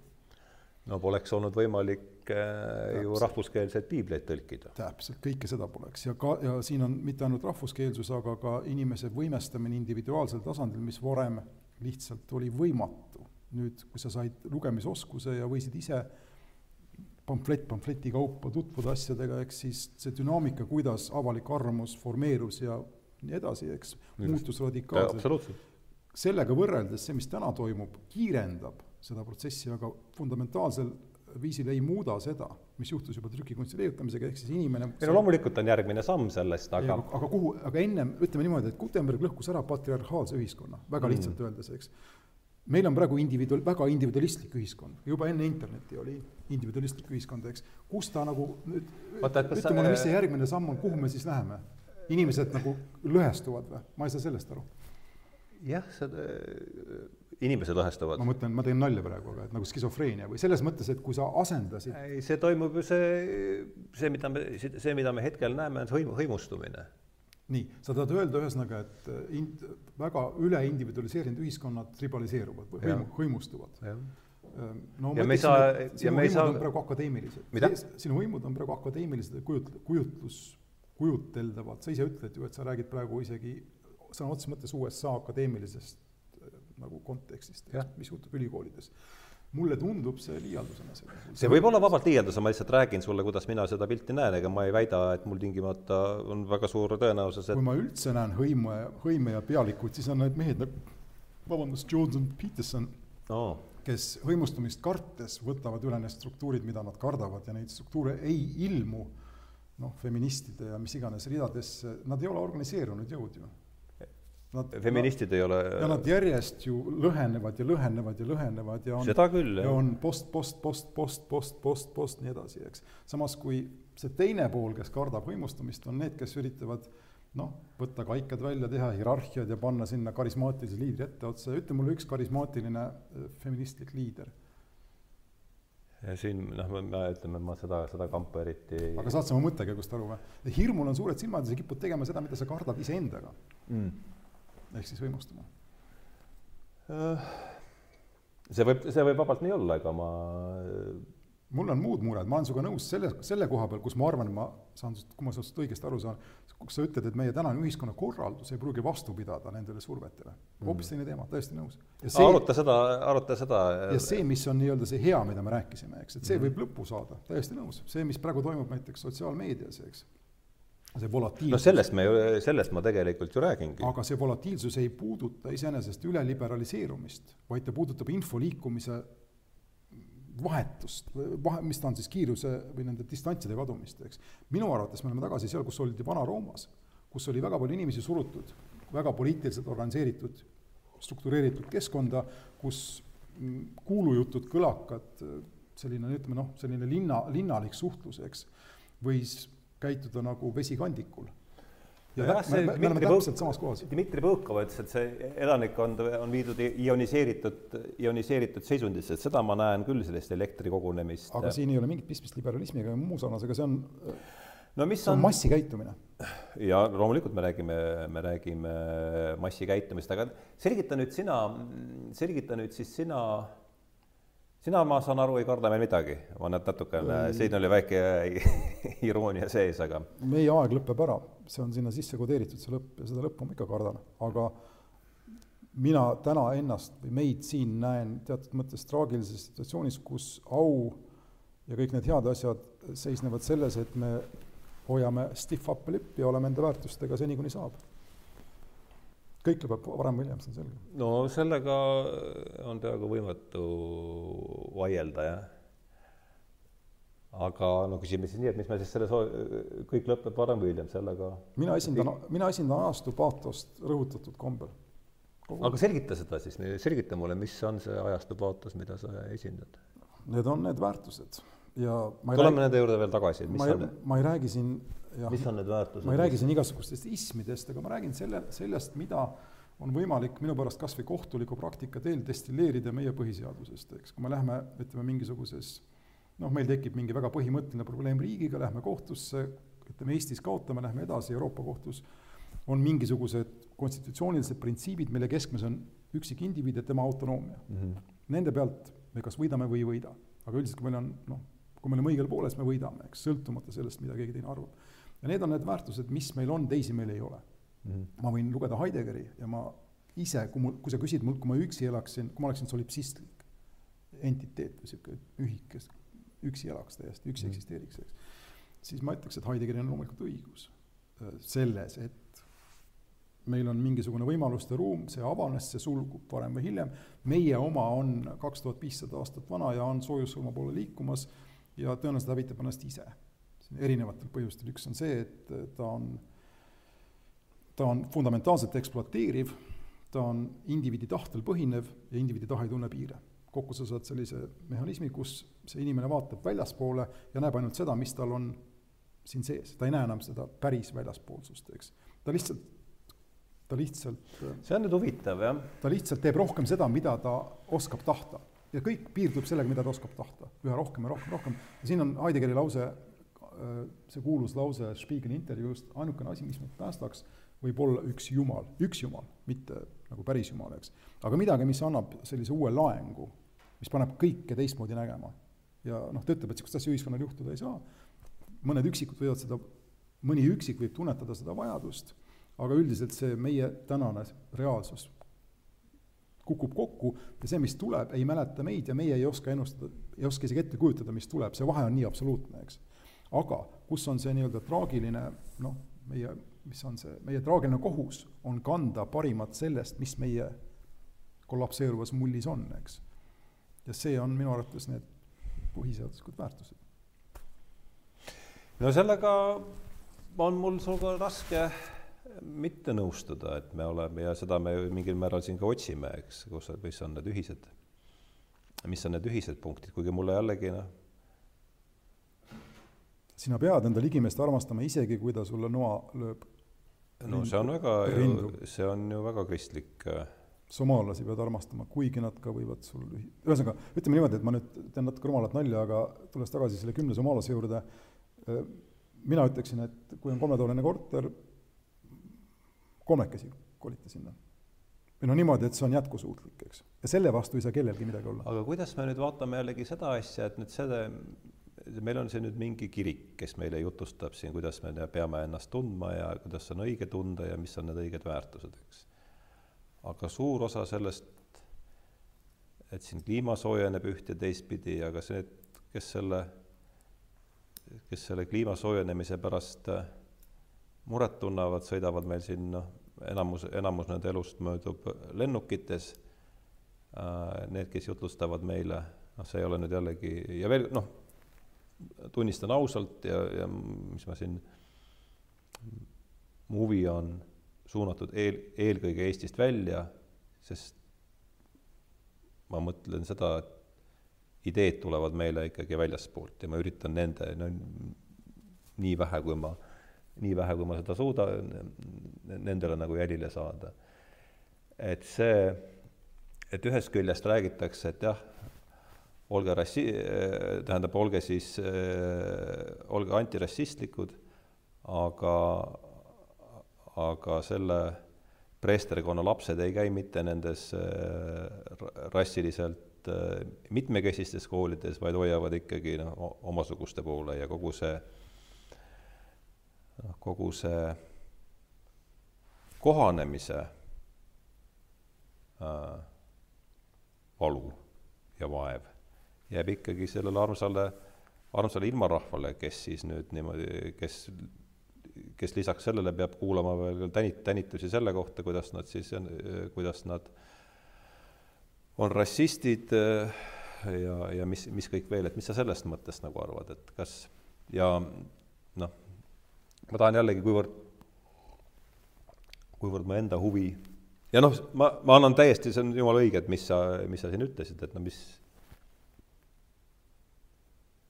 mis suhteline eelis on nüüd minul siin Maakri tänavalt äh, saada aru sellest, mis USA-s toimub, see on täiesti noh, see on täiesti, mul ei ole selle kohta midagi öelda ega ei olegi eriti midagi. Aga, aga see on ka parim, minu arust siiski, see on siiski parim, ma mõtlen niimoodi, et see on, see on siiski parim, mis ma teha saan, sest no mind, mind kuidagi ei noh, ma ei suuda sellest väga huvituda, kas noh, see, millest sina siin tihti kirjutad, et mida, mida ütles Isamaa Reformile või või Reform Vabaerakonnale, et see lihtsalt noh, noh, anna andeks, ei sul ole. sul on see luksus mitte, sul on see luksus mitte selliseid asju kirjutada, mul ei ole seda luksust noh, aga ega ma ei võtagi hoiakuid siin selles suhtes, aga ma, ma olen seal täiesti nõus, ma olen, ma olen täiesti teeks, nõus sinuga, et, et ega mul ei olegi mingit kui keegi teeks mulle niisuguse endowment'i, lobjakas, lugegu Heideggeri, eks, ja noh, teeks mu elu mõnusaks, ma, ma ei, ma ei teeks ühtegi saadet, mitte kunagi see, kui sa arvad, et ma seda jah, aga, aga oota, see, see oli nüüd väike kõrvalpõige. see kõik aga... on hobi. see on sunnitud, peale sunnitud hobi ja ma saan sinust täiesti aru, kui sa räägid Ameerikast ja ma võin sulle ka sellel pinnal vastata, mida ma ise arvan sellest, aga jah, kui sa tood siia sisse need reformid ja värgid, siis see on ju taskuteatri kriitika, mida ma teen siin. nojah, ja aga noh, me ütleme ja, ja ma ei, ma ei võta siin mingit sellist, et üks on tingimata halvem või parem, ma lihtsalt, mina ei suuda sellest väga innustuda ja mul on noh aga see pole üldse huvitav, mis seal toimub, see on no, just nimelt. see on derivatiivne, see on tuletuslik, kaugelt. täpselt, ja täpselt ja seetõttu ma üritan minna ja, alg, algallikale nii lähedale, kui ma saan, aga ma, ma tahtsin, ei saa eriti kaugele minna, sest ma, elan siin, noh, mul ma... sellist endowment'i ei ole, et ma saaksin tuuseldada mööda Ühendriiki ringi ja vaadata, mida nad seal, mida nad seal parajasti teevad. aga see on parim, mis ma teha aga saan. ma tegelikult tahtsingi jõuda siia, sellesse, mida sa praegu räägid, või selle sama, samasse punkti. vaata, kus on endowment on stipendium meil. täpselt, jah nojah, tegelikult on mingi fond, mis luuakse selleks no,, et sa saaksid peaasi, et ta, välja võtta ta ei ole endowment igatahes eesti keeles. Ähm, aga äh, mida ma tahan öelda, on see, et äh, sina ja sinu ütleme noh, ideoloogilist karva, ideoloogiliselt sama karva inimesed kipuvad minu arvates pehmelt öeldes liialdatud empaatiaga vaatama asju, mis toimuvad väljaspool, mitte ainult Pariisi ega Ühendriike, vaid ka kõike. aga anna kohe natukene see... huvitav, huvitav, liialdatud empaatiaga vaatama, ma siis vaatan, kus me ajaliselt umbes oleme. kusjuures üldse. mitte, et, mitte et ma ei taha ära seda vaadata, kui eh, huvitav on ja aga kusjuures see sõna empaatia oli ka siia mõeldud tegelikult täiesti misnoomerina või väär, või väärtähe, tähistajana. empaatia, aga suhtumine nendesse asjadesse on väära meediumiga püüda neid mõista, empaatiaga ei saa mõista, empaatiaga saab ainult teha selle jalgpalli või mis iganes meeskondliku eelistuse, mulle meeldib Tottenhami Hotspur või mulle meeldib Manchester City või midagi veel, eks, see on empaatiline valik, ma ei oska mm, -hmm. no midagi sarnast, eks mm. -hmm. kus ma olen sinuga, oleksin sinuga nõus, oleksid, kui sa räägiksid mulle USA ütleme, arengutest, arengutest ülikooli linnakutes, mis siis näidete varal äh, ähvardavad nende ühiskonnakorraldust, mis on meie omast väga erinev, nad on sisserändeühiskond muuhulgas, eks me ei ole mhm. sisserände, või ei taha olla sisserändeühiskond ja nii edasi. ja kui sa näitad mulle neid ohuvektoreid, mida siis campustel toimuvad arengud kujutavad ennast Ühendriikide kui äh, politi, mis ta eesti keeles on siis, poliitilise süsteemi, mis iganes mm -hmm. jaoks, siis ma olen sinuga täiesti nõus arutama neid asju mm. -hmm. aga mitte empaatia läbi, et mulle ei meeldi võib-olla noh, nende ühe poole, ma ei tea, siin äh, põlemine ja teise poole põlemine, eks, et minu arvates need, see, kui ma õieti aru, õigesti aru saan. aga sa ei saa ometi öelda, et sina vaatad seda asja seal ähm, noh, mis seal salata, et me ei ela, äh, sellest me oleme juba ammu aru saanud ja me noh, nii ja me oleme siin täna leidnud olulisi sarnasusi oma ilmavaadetes, ma, ma arvan, eks. ma arvan, me ei ole kunagi lahkunud, see, see oligi see point. jaa, aga, aga, aga noh, selge on see ka, et ega me nüüd ühtedele samadele võistkondadele ka kaasa ei ela. aga see, ma ra-, ta, ma, ma kordan, niipea kui tuleb see hasardi äh, mõõde siia, siis sa oled eksiteel, sorry. jaa eh,, nii eh,, ma tuleks ikka tagasi, et ega me ei ela nüüd eh, samadele võistkondadele kaasa ja sina, sina väidad, et sa ei ela üldse ei. okei, no siin ma noh, kui sa nii noh. mul ei ole muud valikut, kui kaitsta neid väärtusi, mida ma pean õigeks, sest ma, nagu ma üritasin sulle seletada, ma arvan, neil on ajalugu, teist ajalugu mul ei ole mm. -hmm. midagi paremat mul asemele pakkuda ei ole ja peale kõige muu on nad ka praktiliselt need ainsad asjad, mis teevad selle elu meil siin elamisväärseteks, seni kuni need väärtused kehtivad, eks. Neid ma kaitsen, aga kas ma arvan, et need on igavesed ja noh, universaalsed ja absoluutsed, ei aga räägime nüüd sellest sõnast veel, mis siit käis läbi ja, ja mis on huvitav ja mis on siin noh, ka sellest äh, jutust, mida mina olen jälginud päris pikalt niimoodi mm, koostnud, on see mm, patriarhaat. see on nüüd üks, ma saan aru, et seda, see, see on selgelt negatiivse alatooniga sõna sinu jaoks. no nagu orjapidamine, jah. aa, niimoodi isegi ei no me oleme rääkinud sellest ei ole, mul, mul ei tulnud. juba nihilisti selles äh, vaidluses ma tõin sulle seda näidet, et kas oli mingi hetk, kus orjapidamine öö, äh, oli enda, polnud enda aega veel ära elanud? vot mulle see ei tule ette, see oli nihilisti kas oli mingi hetk, kus äh, oleks võinud öelda, et naistele ei, on veel vara anda valimisõigust mm? -hmm patriar-, patriarhaadiga on sama asi, et noh, tegelikult see lihtsalt tähendab seda, et need õig-, need, need väärtused, millest me siin räägime, kui me need ühtemoodi mõistame, nad on edasikeritavad ja noh, praktiliselt determineeritult on noh, selge, et kui sul on abielu lubatud, siis varem või hiljem, kui meie ühiskond ei lenda päris uppi, eks on geiabielu samaväärne, abielu asjaga minu pärast on, nukuga on samaväärne kui, kui abielu mehe ja naise vahel. see on, see on, see on ju vältimatu areng see, see vek-, see vektor, millel me täna oleme, ühesõnaga, et inimene ise otsustab, mis talle on hea mm. -hmm. kõik liigub sinnapoole, on liikunud viimased, ma ei tea, viissada aastat Gutenbergist alates vähemalt, eks. see, seda vektorit lahti kerides ma ei näe, miks me peame ootama ja mitte lubama geipaare tunda ennast hästi juba täna, kui me näeme, et see juhtub niikuinii viiekümne aasta, kümne aasta pärast. ja nii edasi ja nii edasi ja patriarhaat langeb minu, minu jaoks sellesse kontiinumisse kus lihtsalt oota, aga mis on siis ikkagi, kuidas sa patriarhaati defineerid? no ma oletan, et sa kasutad seda mingi üld, üldnimetajana, et paneks ei, kuidas, kuidas sina, ära seda no,, kuidas sina seda no, okay. patriarhaati defineerid, mind huvitab see. ütleme niimoodi, et väga aktuaalsel kombel ma defineeriksin patriarhaadi esindajatena neid inimesi, kes ütlevad, et struktuurilised või süsteemsed elemendid meie ühiskonnas, mis sugudevahelist võrdsust takistavad ei ole suur probleem.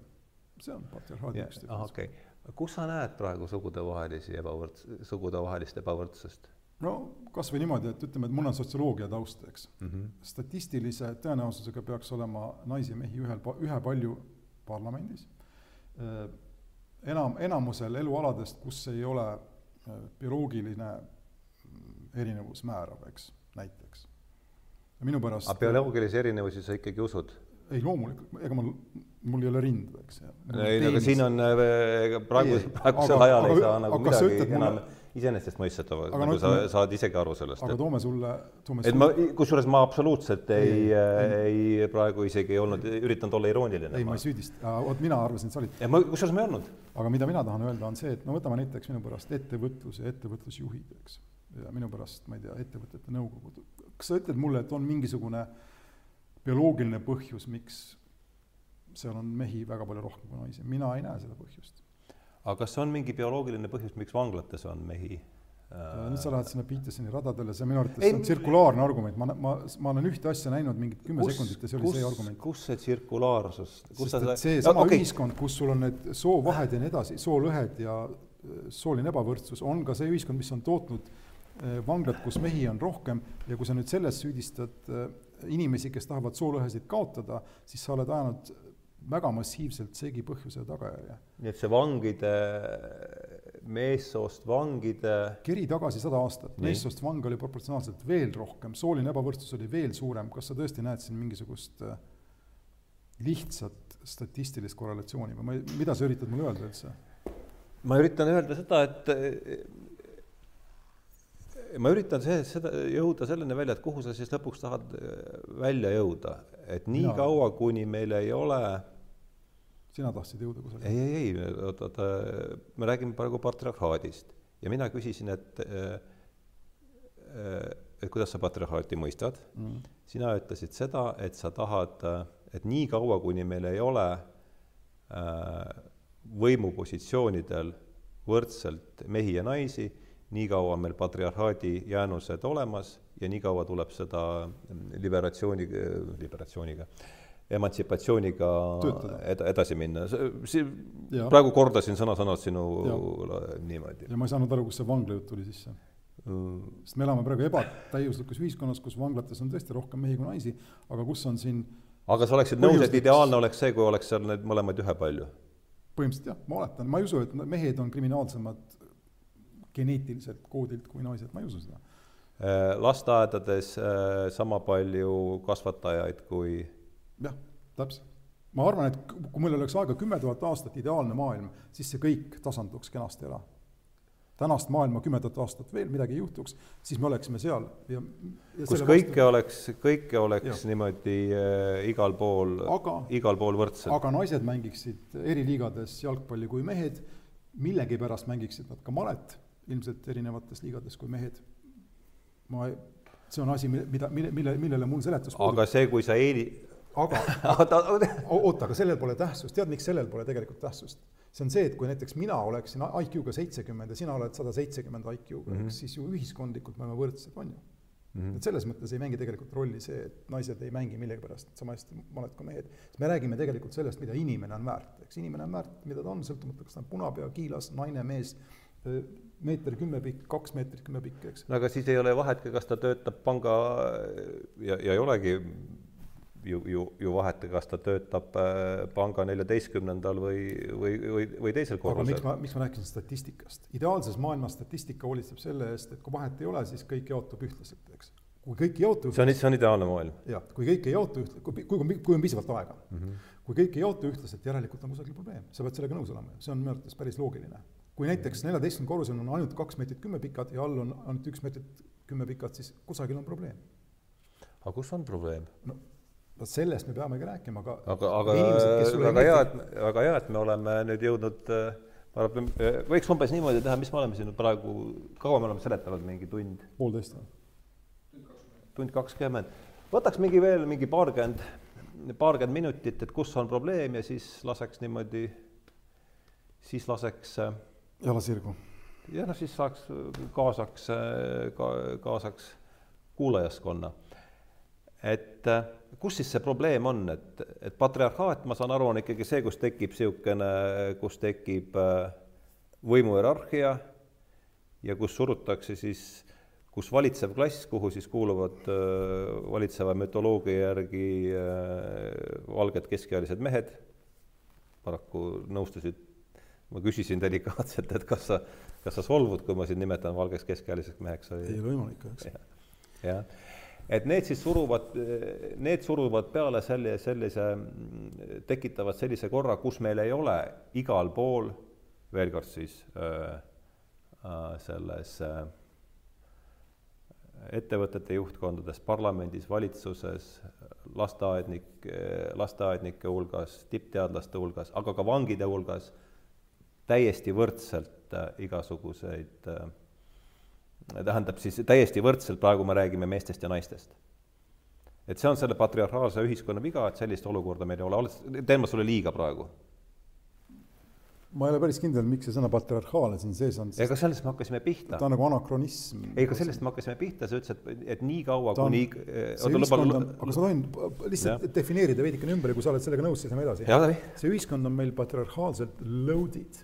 Ma ei oska öelda, mis eesti keeles võiks olla, mis ma mõtlen, eks no mõtleme, ja ma saan aru küll, mis sa mõtled. Need täringud on nagu ette visatud, eks nüüd äh, sellega sa oled minu arvates nõus. kas see täringute etteviskamine on seesama, millest sa räägid äh, ju see, millest me alustasime oma juttu, sõltuvuslikkus või siis see path dependency või contingency täpselt. või see on täpselt, me jõuame, me jõuame ringikeele aga sa tagasi. oled, ühesõnaga, tuleme tagasi korraks siis lihtsa näitega, sa oled nõus, et meie elu täna on parem aastal kaks tuhat üheksateist, kui ta oli tuhat üheksateist aastal, noh tänaste indiviididena, eks, kui me ei ole, noh eeldame, et no see päris selgelt me ei ole kunagi, me ei ole kunagi elanud nii vabas ja nii mm. rikkas ühiskonnas, aga kisa on selline, et ei ole hullemat, ei ala... ole hullemat patriarhaati, kui, kui, kui on kunagi olnud, et see on see, mis minu aga peas ei lähe nagu kokku hästi. võib-olla, et seletus on sulle siin tegelikult lähemal, kui sa arvad.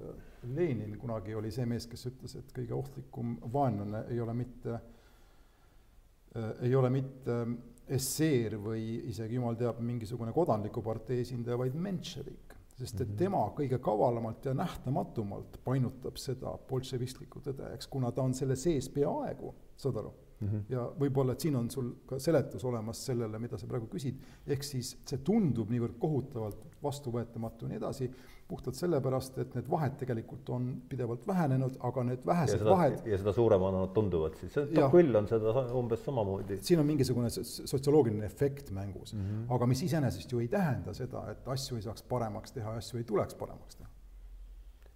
viissada aastat tagasi olid naised ikkagi päris kehvas situatsioonis, sada aastat tagasi nad said valida. viissada aastat tagasi, kas ei olnud mitte nii, et peale, peale sellise ülikonna olid kõik ikkagi väga nadis seisus, sa sellega naine oli mehe oma enamikus ühiskondades, oleme ausad mm..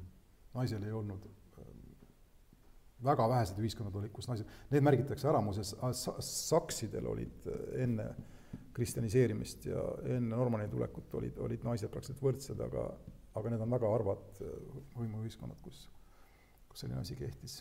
liivlastel vist oli ka midagi sarnast, eestlaste kohta ei tea. aga põhimõtteliselt ärme lähme sinna, mida ma üritan öelda, on see, et kui sa oled põhimõtteliselt nõus sellega, et naistele kunagi anti valimisõigus, sa asetad juba ennast mingisuguses äh, mingi... aga meestele anti ka kunagi valimisõigus. aga anti raha, kas sa oled nõus sellega, et kui sul on rohkem raha kui mul, sa saad rohkem hääli või niimoodi anti? jah sa oled sellega aga, aga, aga see ei muuda ometigi tõsiasja, et üheksateistkümnenda sajandi keskel oli polnud ei naistel ega meestel suuremal osal valimisõigust. jaa, aga me ju räägime niipea, sellest niipea, kui mehed said valimisõiguse, said selle sisuliselt kohe ka naised. ei saanud, mehed otsustasid naistele anda. ajalooli, ajalooli. ei ole, ei ole, päris nii ei ole, see me... ajaloolises kontekstis on see eh, nelja-viiekümne, poolesajandiline aja, ajavahe ei noh nagu..., see ei ole suur vahe, aga, aga see on saa... hetkeline vahe. me ei pea üldse, me ei, ma ei saa aru, miks me oleme kinni jäänud sellesse vaidlusse, sest et sa oled ju minuga nõus, eks, et see, mis on toimunud või mis toimus naistele valimisõiguse andmise näol, oli hea. jah. mida mina üritan öelda, on see, tulles tagasi nüüd sinu selle algse jutu juurde patriarhaadist, mida, mida, mida mina tahan öelda, on see, et ma ei taha hukka mõista midagi tingimata või mis iganes, eks. mida ma püüan öelda või tahan öelda, on see, et mõistlik ja hea suhtumine sellesse probleemi on lubada inimestel, keda see morjendab, pakkuda välja lahendusi ja siis neid lahendusi analüüsida, eks, aga mitte neid inimesi kui sõnumitoojaid patriarhaalselt äh, maha lasta, mis praegu kipub juhtuma. räägi, räägi nüüd, nüüd, nüüd läksid mulle jälle silmad pärani, et kus sa seda sa ütlesid feministid ja igasugused ismid, ma tulen tagasi selle mm. juurde, eks, et nad ähvardavad meie ühiskonnakorraldust, mis nii, nii, nii palju, kui need inimesed tahavad naistele veel paremaid statistiliselt noh, tasasemaid tingimusi, neil on ju õigus laskem neil tegutseda. ega sa oled nõus sellega, ega ma ei tee nüüd sulle liiga, kui sa ütled, et see ikkagi täiuslik, kui me nüüd kümme tuhat aastat saame veel edasi minna, et siis on kõikvõimalikel, noh, võtame siin äh, no tõenäoliselt on kusagil Statistikaametis olemas niisugune äh, loetelu kõikidest elukutsetest, mis meil siin Eestis on. no oletame, et niisugune, no USA-s on see vähemasti olemas, on see mingi selles tööbüroos on, ongi olemas kõik, kõik noh no mis kõik, eeldab bioloogilist soodumust? kõik, kõik, kõik ametid. võtame välja bioloogilist soodumust. aga kust sa sealt need äh,, hästi, huvitav, kus sa need äh, no kaevurid näiteks, noh, lihtsalt nõuab, vana, vana tüüpi kaevurlus nõuab füüsilist jõudu, mida naisel mm. no aga praegu seda, praegu ma seda, tahangi öelda, et aga võtame välja need arhailisemad asjad, kus on füüsiline jõud, eks. kui sul on näiteks kümme tuhat aastat edasi, sul on kõik äh, transformer tüüpi robotid teevad asju, eks ei mängi rolli, kas sul on no kümme tuhat aastat jah, see ei ole nagu suur, võtame siin niimoodi, et ideaalses ühiskonnas nii palju, kui meil neid ameteid on, on igal pool võrdselt mehe ja naisi. nii. ja keegi ei aja näpuga jälgi, et järgi, et miks on nüüd seekord siin mees või naine, sest et kõik tundub loomulikuna. nii, aga noh, ega, ega mees ja naine on ju ainult kaks kategooriat, eks on ju, siin no. on veel, nii et ideaalses ühiskonnas siis järelikult on on niigi noh, nii ja. üksikasjalikuks, kui me seda mustrit ei tee, et kõikvõimalikes, kõikvõimalikel elualadel on siis noh, ühepalju sa unustad ära selle sõna statistika. statistika ütleb meile, et nii oleks. vaata nagu ideaalsete ühiskondadega ikka nad ei ole reaalsed. ja, ja, ja ei, hästi-hästi, aga no ideaalis oleks niimoodi. statistika, päris õiglases ühiskonnas statistika hoolitseks selle eest, et nii on, jah. et kui me jagame elanikkonna viieteistkümneks kategooriaks näiteks, siis, siis kõikides kõikvõimalikel elualadel oleks see meil, oleks see võrdselt esindatud. aga sinna me nüüd kunagi, sa möönad, et me ilmselt ei jõua. see on juba teine teema, jah. ja me ei jõua sellepärast, et meil on siis patriarhaadi, patriarhaadi jäänused. Äh, ei, vot see on see, kus Heidegger tuleb sisse. Heidegger ütleb ja see, ma kirjutasin sulle kunagi hästi keeruliselt ja mitte keeruline on vale sõna, aga hästi segaselt sulle nendest äh, kolmest, ma olen nõus kolmest vanast kreeklasest aga kui ma sulle teen nii-öelda sünopsise ühe ja. või kahe lausega, siis mida Heidegger ütleb ja mida ma kipun äh, ise õigeks pidama, on see, et see kõik, mis meie ühiskonnaga juhtub, on sisse kodeeritud nendesse kolme kreeklasse, kellest meil on kõige varasemad lää-, noh, meie mõistes lääneliku mõtlemise fragmendid olemas, eks mm. -hmm. et lausejupid, kui need kolm tükki võtta, nad annavad ära need peadimensioonid, mille sees meie ühiskond no sellega ma olen nõus. see on kõik, mida, aga ja nüüd lase mul see mõte lõpetada, kas me oleme siin aastas tuhat viissada või kaks tuhat viissada, olemuslikku vahet tegelikult selles ei ole, sest et meie ühiskond on oma sellel kuradi path dependency'l vääramatult, eks tema võimaluste maailm on määratud ette, mis ta seal teha saab, on ette määratud kas või see, et me oleme otsustanud või algusest peale on ette ehitatud see, et kuna me näeme objekte, peame objekte, mis on paigal ja kättesaadavad heaks, siis me tahame neid lõpus üha rohkem ja rohkem ja rohkem, eks, see on see Nietzschelik element ja see lõpuks hävitab meie selle ühiskonna, selle kõigega ma, see on kõik, mida mina arvan, et on õige, eks. aga selle asja sees, asudes punktis kaks tuhat üheksateist ja olles inimesed, kelle eluiga on circa seitse, kaheksakümmend, üheksakümmend aastat, eks, on meil valikud. ja minu arvates see traagiliselt õige valik meie jaoks on haarata või mis ta on siis, noh, öelda jah nendele väärtustele, mis on hea ja sellele, mis on hea meie enda ühiskondlikus traditsioonis ja selle sisemine väike pisikene miniloogika Heideggeri vaatepunktist, eks, on ju öelda, et naised said valimisõiguse, oli hea, oli parem kui see, et neil ei olnud valimisõigust mm. -hmm. siin on mingi suund sees ja selle, seda suunda minu arvates, kui me oleme nii-öelda auväärsed inimesed, me peame austama ja sellega minema lõpuni. mitte absurdi, aga lõpuni ja lõpuni minnes, minemine ütleb mulle see mulle tundub, et see lõpuni tähendabki siin absurdi. ei tähenda, sest ei tähenda. tähendab see, et seda siin me, endiselt siin on üks põhierinevus okay,. aga noh, lihtsalt puht nii-öelda mõttelise eksperiment et kui nüüd tõesti rääkida põhimõttelisest erinevustest, siis siin aga ütle mulle, miks tänast olukorda eks-, tänasest olukorrast ekstrapoleerides äh, mõttelise eksperimendi korras, statistika otsustab, nagu ma ütlesin, eks, miks ei peaks niimoodi olema, et naised ja mehed on näiteks võrdses proportsioonis valitsuses, parlamendis ja ettevõtete juhtkonnas, miks ei peaks niimoodi olema? sellepärast, et statistiliselt, me räägime statistikast, millel on alati õigus, kui kõik on võrdne, eks, saad aru? statistika ütleb meile, et see oleks fifty-fifty, kui kõik oleks võrdsete võimalustega. ma arvan, et sa ikkagi alahindad siin sellesama bioloogia osakaalu sellest, et mehed, mehed ja naised on ikkagi teatud äh, okay, teatud äh, teatud äh, olulistes parameetrites erinevad. ja see puudutab näiteks ettevõtete juhtkondi, kuidas? Äh, ma arvan, et mehed on lihtsalt agressiivsemad. ja, agressiivsus naised... parim äripoliitika või on ka võimalik teistmoodi äri teha? no kui me räägime ikkagi hierarhiates ülespoole ronimisest, siis mehed on, mm, on, on sihikindlamad, ma arvan aga kanad oleksid kõige paremad ju. kuidas palun? kanad, kanad moodustavad naturaalseid püramiide, kujuta ette, kus saaks kanad panna äri tegema. no jah, noh, ütleme siin, siin sa selle metafooriga jätsid mu praegu natukene jätsid mu natukene maha, aga aga ma ei tea, ma olen nüüd siin poolteist tundi, üle pooleteist tunni rääkinud vist või poolteist tundi või? et äh, et annaks siin võtaks siia vestlusringi värsket verd, et kas on kellelgi mingeid arvukal pealtvaatajaskonnal kommentaare? ja küsiks seda, et kuulata seda vestlust, et noh, hästi palju tekkis selliseid kohti, kus oleks tahtnud küsida vahele, aga nüüd niimoodi kokkuvõtvalt, et kumab läbi selline aastatepikkune teievaheline eh, diskussioon, mis on kestnud ja kestnud ja, ja ilmselt ka muutunud ja, ja, ja, ja jumal teab, võib-olla te olete olnud ka vast-, vast-, täpselt vastupidiste seisukohtadel ka vahel, et lihtsalt mina ei tea sellest minevikust midagi, aga selle põhjal, mis ma praegu kuulasin, et tahaks teada, et kust te pihta hakkasite? Või, või milles on see erinevus, see iva, mille ümber vaidlus kaks tuhat kümme jõulud ja pärast sa läksid ja ütlesid, et teeme paar õlut. ei, kaks tuhat kümme. aa, siis me hakkasime, ja, ja, õige, õige, siis me hakkasime ja, ja. üheksa aastat, ei, kaheksa aastat. sa olid tagasi siis, sa paned sinna seda, ja. ma olin just, ei ma varem ei olnud sind ju näost näkku näinud. ja, ja, ja, sealt me hakkasime pihta, aga ütleme, sihuke lahkuminek toimus, toimus esimest korda ikkagi seal selles äh, siis kui asjad läksid karmiks kaks tuhat viisteist, kaks tuhat kuusteist. jah, siis oli seesama, seesama homoabielu või kuidas seda peab siin nüüd õige, õigesti kooseluseadus. kooselu, et keegi ei solvuks. et, ähm, et, et noh, siis oli see aga nüüd ta enam ei aja meid lahku ju niimoodi ju. eks ta ei ja mind ja noh, veel kord, nagu ma seda sada korda rõhutan, mind, mul ei lähe sada aastat kordagi, kes seal kellega koos elab, aga see, kuidas kogu see äh, avangardistlik seltskond nüüd sellele äh, Varro, Varro seltskonnale äh, äh, turja kargas.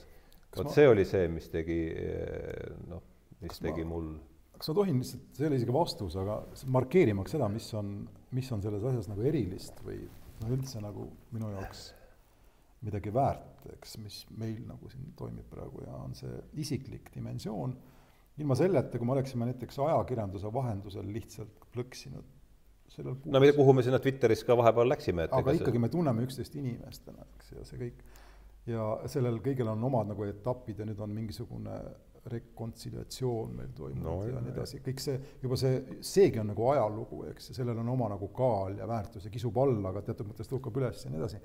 kui seda ei oleks, siis ma ei viitsiks, ma arvan, tegeleda niisuguse asjaga, nagu sinuga siin poolteist tundi lihtsalt rääkida. no üks aja on sama, sama siin, jah.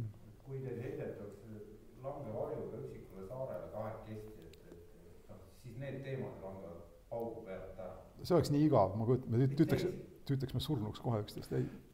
no eks me, no ma arvan, et ikkagi kui me nüüd hakkasime siin suure viisiku testi tegema, et siis me oleksime suhteliselt ikkagi suhteliselt erinevad, ma arvan, ja.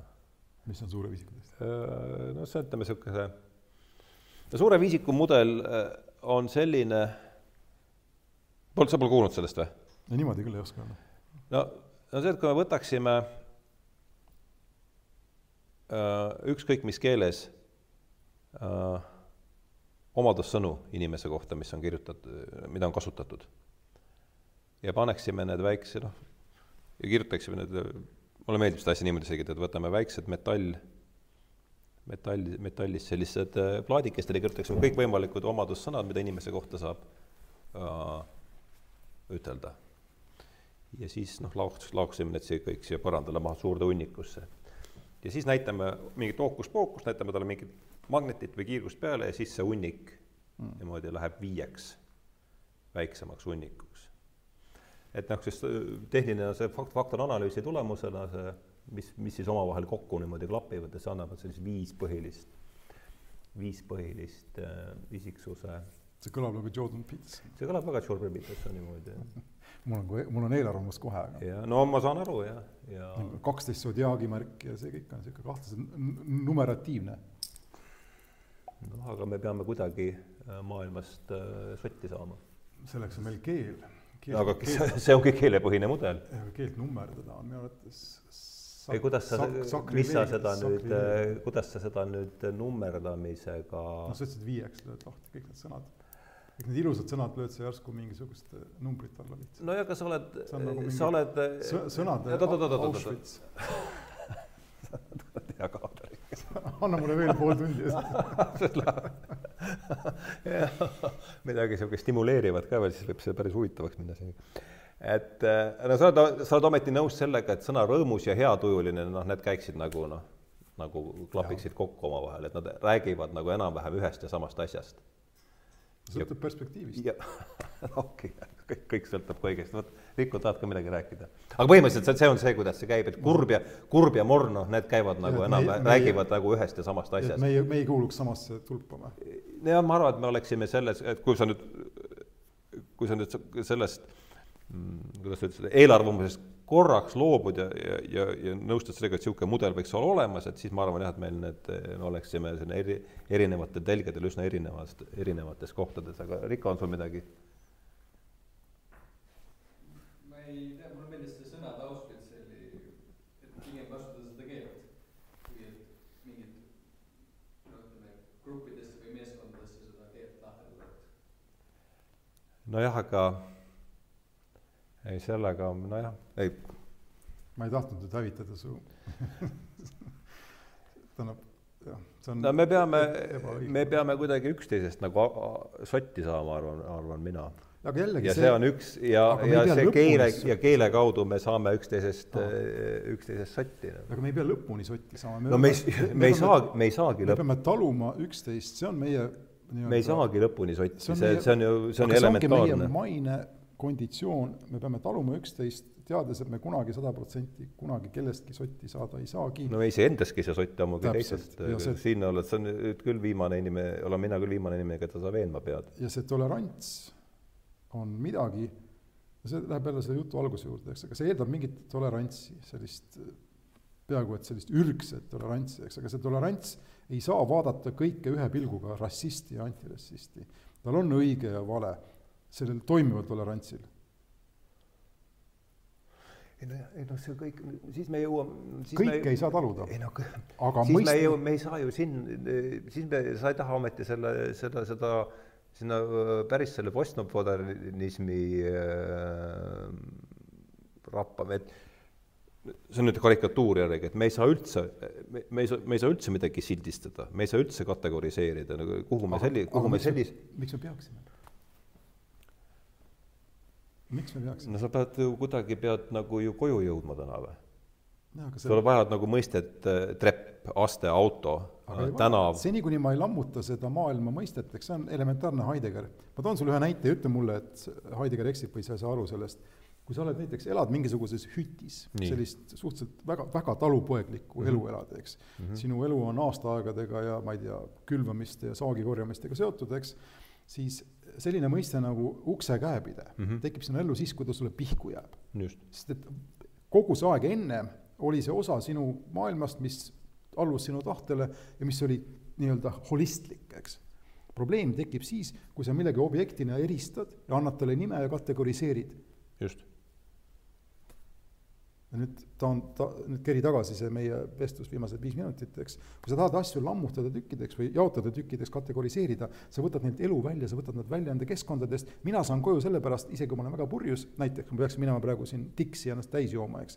siis kui ma ei oska öelda tramm või ole, on sul selline plaan, ei? ei, ma räägin, kui ma isegi ei oska öelda sõna rong, eks, siis minu maailmas, selles holistlikus maailmas ma tean neid liikumisi, mis viivad mind koju, ilma et ma ühegi sõnaga peaksin neid tähistama, eks. Või ütlema Okei, no et siin võib-olla- tuleb rong, siin on rattad all, rongil on rongijuht, eks mind ei huvita see. rong viib mind koju. aga see on ikkagi rong, midagi, mis viib, aga ta on osa minu, ta on osa minu elu sa ei ole, sa ei ole, sa ei ole mingi osake mingis osakeste ürgsupis. Ei. on ikkagi olemas Ahto, see on, on maja, kus Ahto elab Konkreetses ja on maailmas. rong, mis nende vahel elab aga ja minu see ei ma- ole mingi aga minu maailma ei ole mõtet Äh, kiskuda tükkideks, see ei aita mind. Kui ma pean seda uuesti hakkama kokku panema, siis tuleb horror. uh, issand jumal see on muuseas liberalismi probleem. äh, on kellelgi veel küsimusi?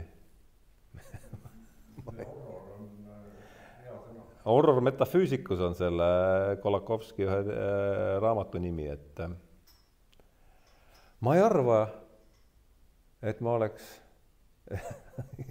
huvitav oli sinuga vestelda. Aga ma ei arva, et me oleks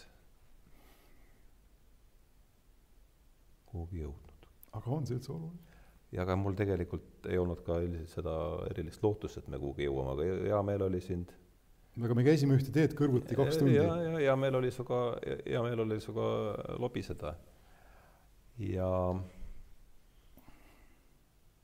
privileeg ja aga ma arvan, jah, aga jah, et see võib-olla kui sulle sellest kohtumisest ei jäänud nüüd kõige ebameeldivam mulje, mis ma loodan, ei jäänud, siis võiks sellest tunnetusteoreetilistest teemadega järgu järsku veel edasi minna. minu jaoks oli see väga suur fun, ma ütlen ausalt. ma ei ole pikka aega nii, nii äh, mõnusalt vestelnud no see on huvitavatest asjadest. aga ma tahaks sellega edasi minna järgmine kord, ärme seda nüüd väga li-, ärme seesama, see holistlik ja ma arvan, et see, siin me jõudsime kusagile ja noh, käib muidugi jällegi minu Saeveski filosoofi mõtlemisest kõvasti üle, aga see on, need on teemad, millega ma olen ka viimastel aegadel no üritanud natukene mõtelda, ma arvan, et seesama holistlik äh, ja see maailma tükeldamine objektideks, need on, need on huvitavad teemad. me ei jõua seda peatükki täna avada, aga kui sa oled seda meelt ja kui sulle, kui sul oli huvitav, siis no. võiks seda teha veel enne kevadet järsku või? täiesti vaba, mul ei ole. kuule, aga siis äh, tänan kõiki asjaomaseid.